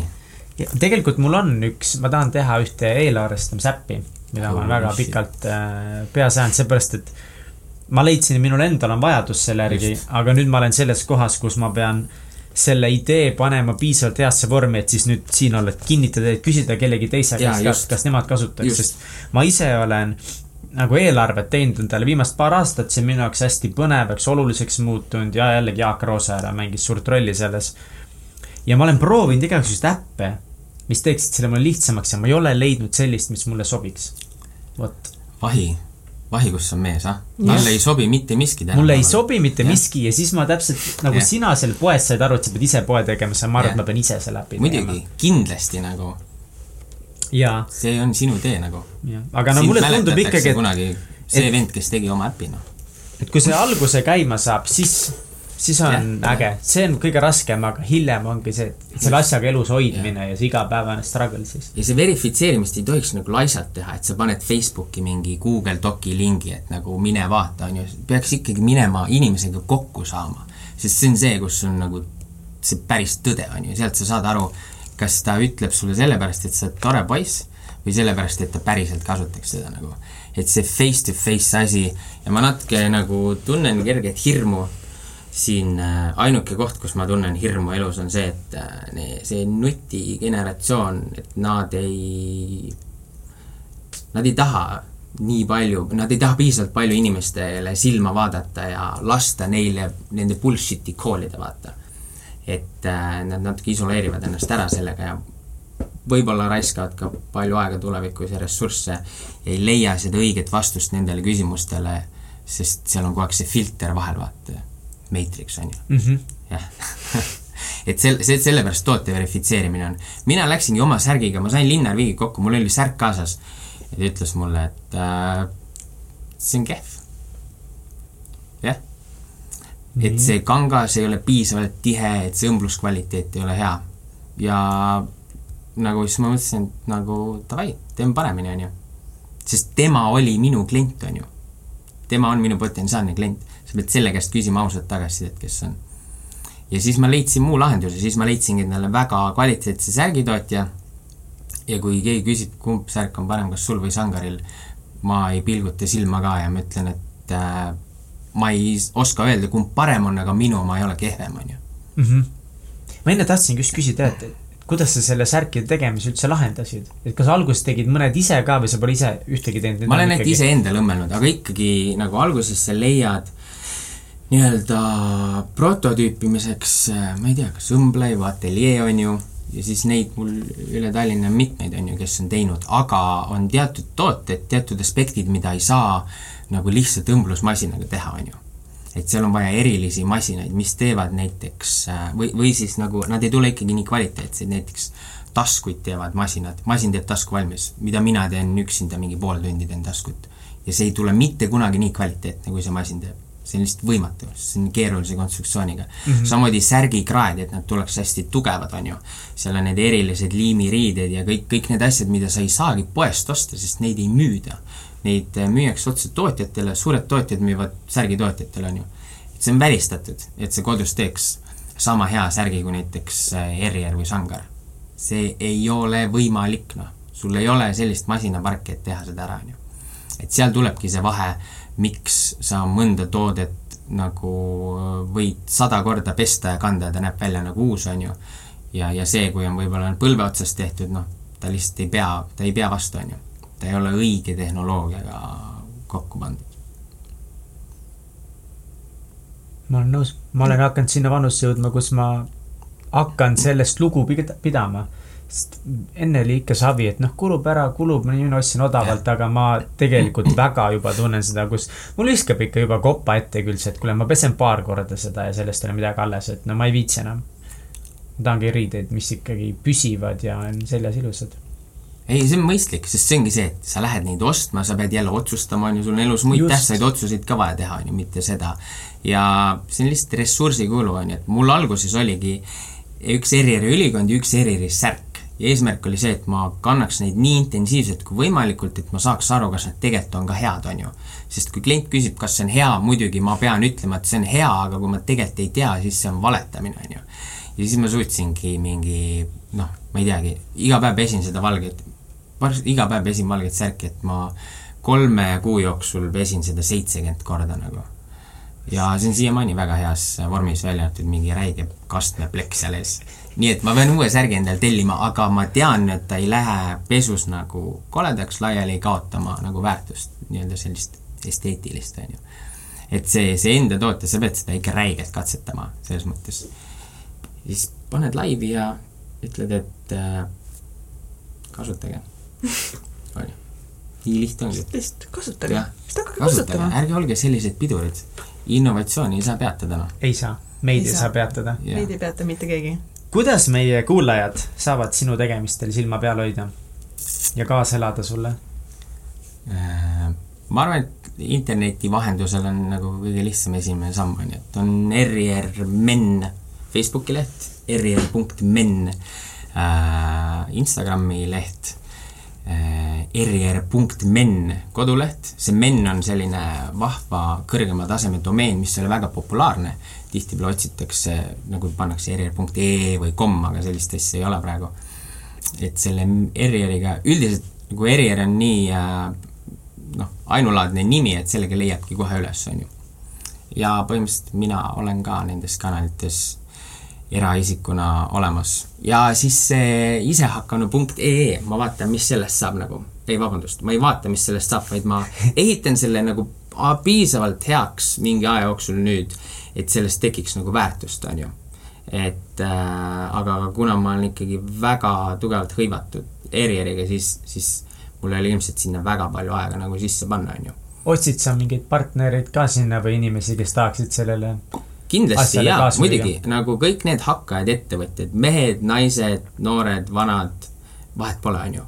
selles mõttes, et kes, kes tunnevad, et nad tahaks midagi teha, aga nad ei tea, kuidas, on ju ja kuna mina olen just selle tee läbi käinud, et nagu sellest kolmest nagu täielikust põhjast nagu välja tulnud, on ju, siis, siis ma arvan, et äh, võib tekkida olukord, kus ma saaks kedagi aidata, on ju. Kas või, kas või nii palju, et ta esitab mingi küsimuse, ma vastan ja annan talle selle esimese õllekõrre kätte, on ju äh, ja, ja tegelikult ma näen seda, et kui ma nüüd suhtlengi siin investorite ja selle seltskonnaga, paljud nemad otsivad samamoodi võimalusi investeerida, on ju, ja tegelikult konsulteerida ja toetada ja just, just neid ägedaid ettevõtjaid, kes tingimata ei teegi nagu seda, seda kõige tüüpilisemat mingit lahendust, on ju, vaid, vaid mis iganes elualas, on ju. ma tahtsin öelda tegelikult äppi, sest see äpi värk oli, on vahepeal olnud nii populaarne, vaata, et tekkis arvamus, et kui ma teen äppi, siis ma saan sitaks rikkaks, on ju. selline, et mul on lihtsalt niimoodi pappi, et minge kõik nagu kuu peale, on ju. aga täna see on väga-väga keeruline. et kes äppi tahab teha, siis äh,, siis on vaja küll nagu alla saja tuhande euro te ei tee mitte mingit äppi nii lihtne ongi. et si-, siis peab juba raha otsima esimesena, on ju, siis see idee isegi ei loe, sest et nagu vahet pole, kõik ideed on tehtud juba. küsimus on see, et kellel on piisavalt raha, et see, et seda turundada ja lükata nagu platvormidele üles, on ju Mihkel, pole hullu, taga taskust sada tonni ja põhimõtteliselt nagu homme aa ei, aga selles mõttes, et kui sa tahad endale kasutuseks midagi sellist, mis on nagu praktiline, aga noh, sa ei tee seda selleks, et rikkaks ja. saada, vaata, sul on vajadus. muidugi ei, mina olen see. siis on sada tonni, jah? mina teen millet, aga tegelikult see võib-olla ei ole nii oluline, võib-olla on ka, aga see, kuidas ma seda teha tahan, tegelikult on seotud ühe uue Euroopa Liidu direktiiviga, mis tuleb välja. Nii et ma saan seda teha tavale. stiilis mida pole veel maailmas kordagi tehtud. Nice. Vopa, vopa kullid kuulajad, siin on midagi põnevat tulemas. Vabandust. kas tahad veel midagi meie kuulajatele öelda, Erki? ei, super. ma olen liiga palju rääkinud. Kats, mina ütleks ka tänaseks, tänaseks kõik, mul on lihtsalt olnud nii tore, see aeg on lennanud nagu päriselt äh, ulmeliselt kiiresti ja polegi arugi saanud, me oleme siin juba, juba noh, päris kaua rääkinud, mitu tundi? ja üle kahe tunni. üle kahe tunni, vau. nagu okei, vau. nagu me, mina ausalt ei saanud aru, et me nii kaua räägime. jaa. jaa. see on lihtsalt see, et ma jõin selle mingi suhkruvaba Red Bulli hommikul ära, et nagu elust püsida see asi ja siis nagu Nice, ja me tõmbasime kohvid endale ennem sisse ja siis selle pealt me oleme siin eksisteerinud, aga olgu, kallid kuulajad, selleks korraks Täitsa Pekkis podcast lõpetab, täname Erkit, kes tuli meile. Aitäh, Erki. aitäh. sa väga-väga inspireerisid mind ja sa oled jumala lahe, nii et Erki on väga Otsige ta kõik ülesse. nüüd, nüüd pead sina Oled. ütlema, ärge liialdage, onju nüüd. pead sina, ei me ei liialda, nüüd pead sina ütlema seda, et kõik mehed võiksid minna tšekki, tšekkida seda Erieri, Erieri äh, värki seal kõik. mehed võivad tšikkidega tulla, Suurkarja kakskümmend Suurkere kakskümmend, kõik mehed, minge tšekkige ja tšikkidega. ja tšikkidega. jah. jah, aitäh, mina kinnitan. aitäh, tšau. ma lehvitan kaameras, kaamera. Lähe. Lehvita kaamerasse.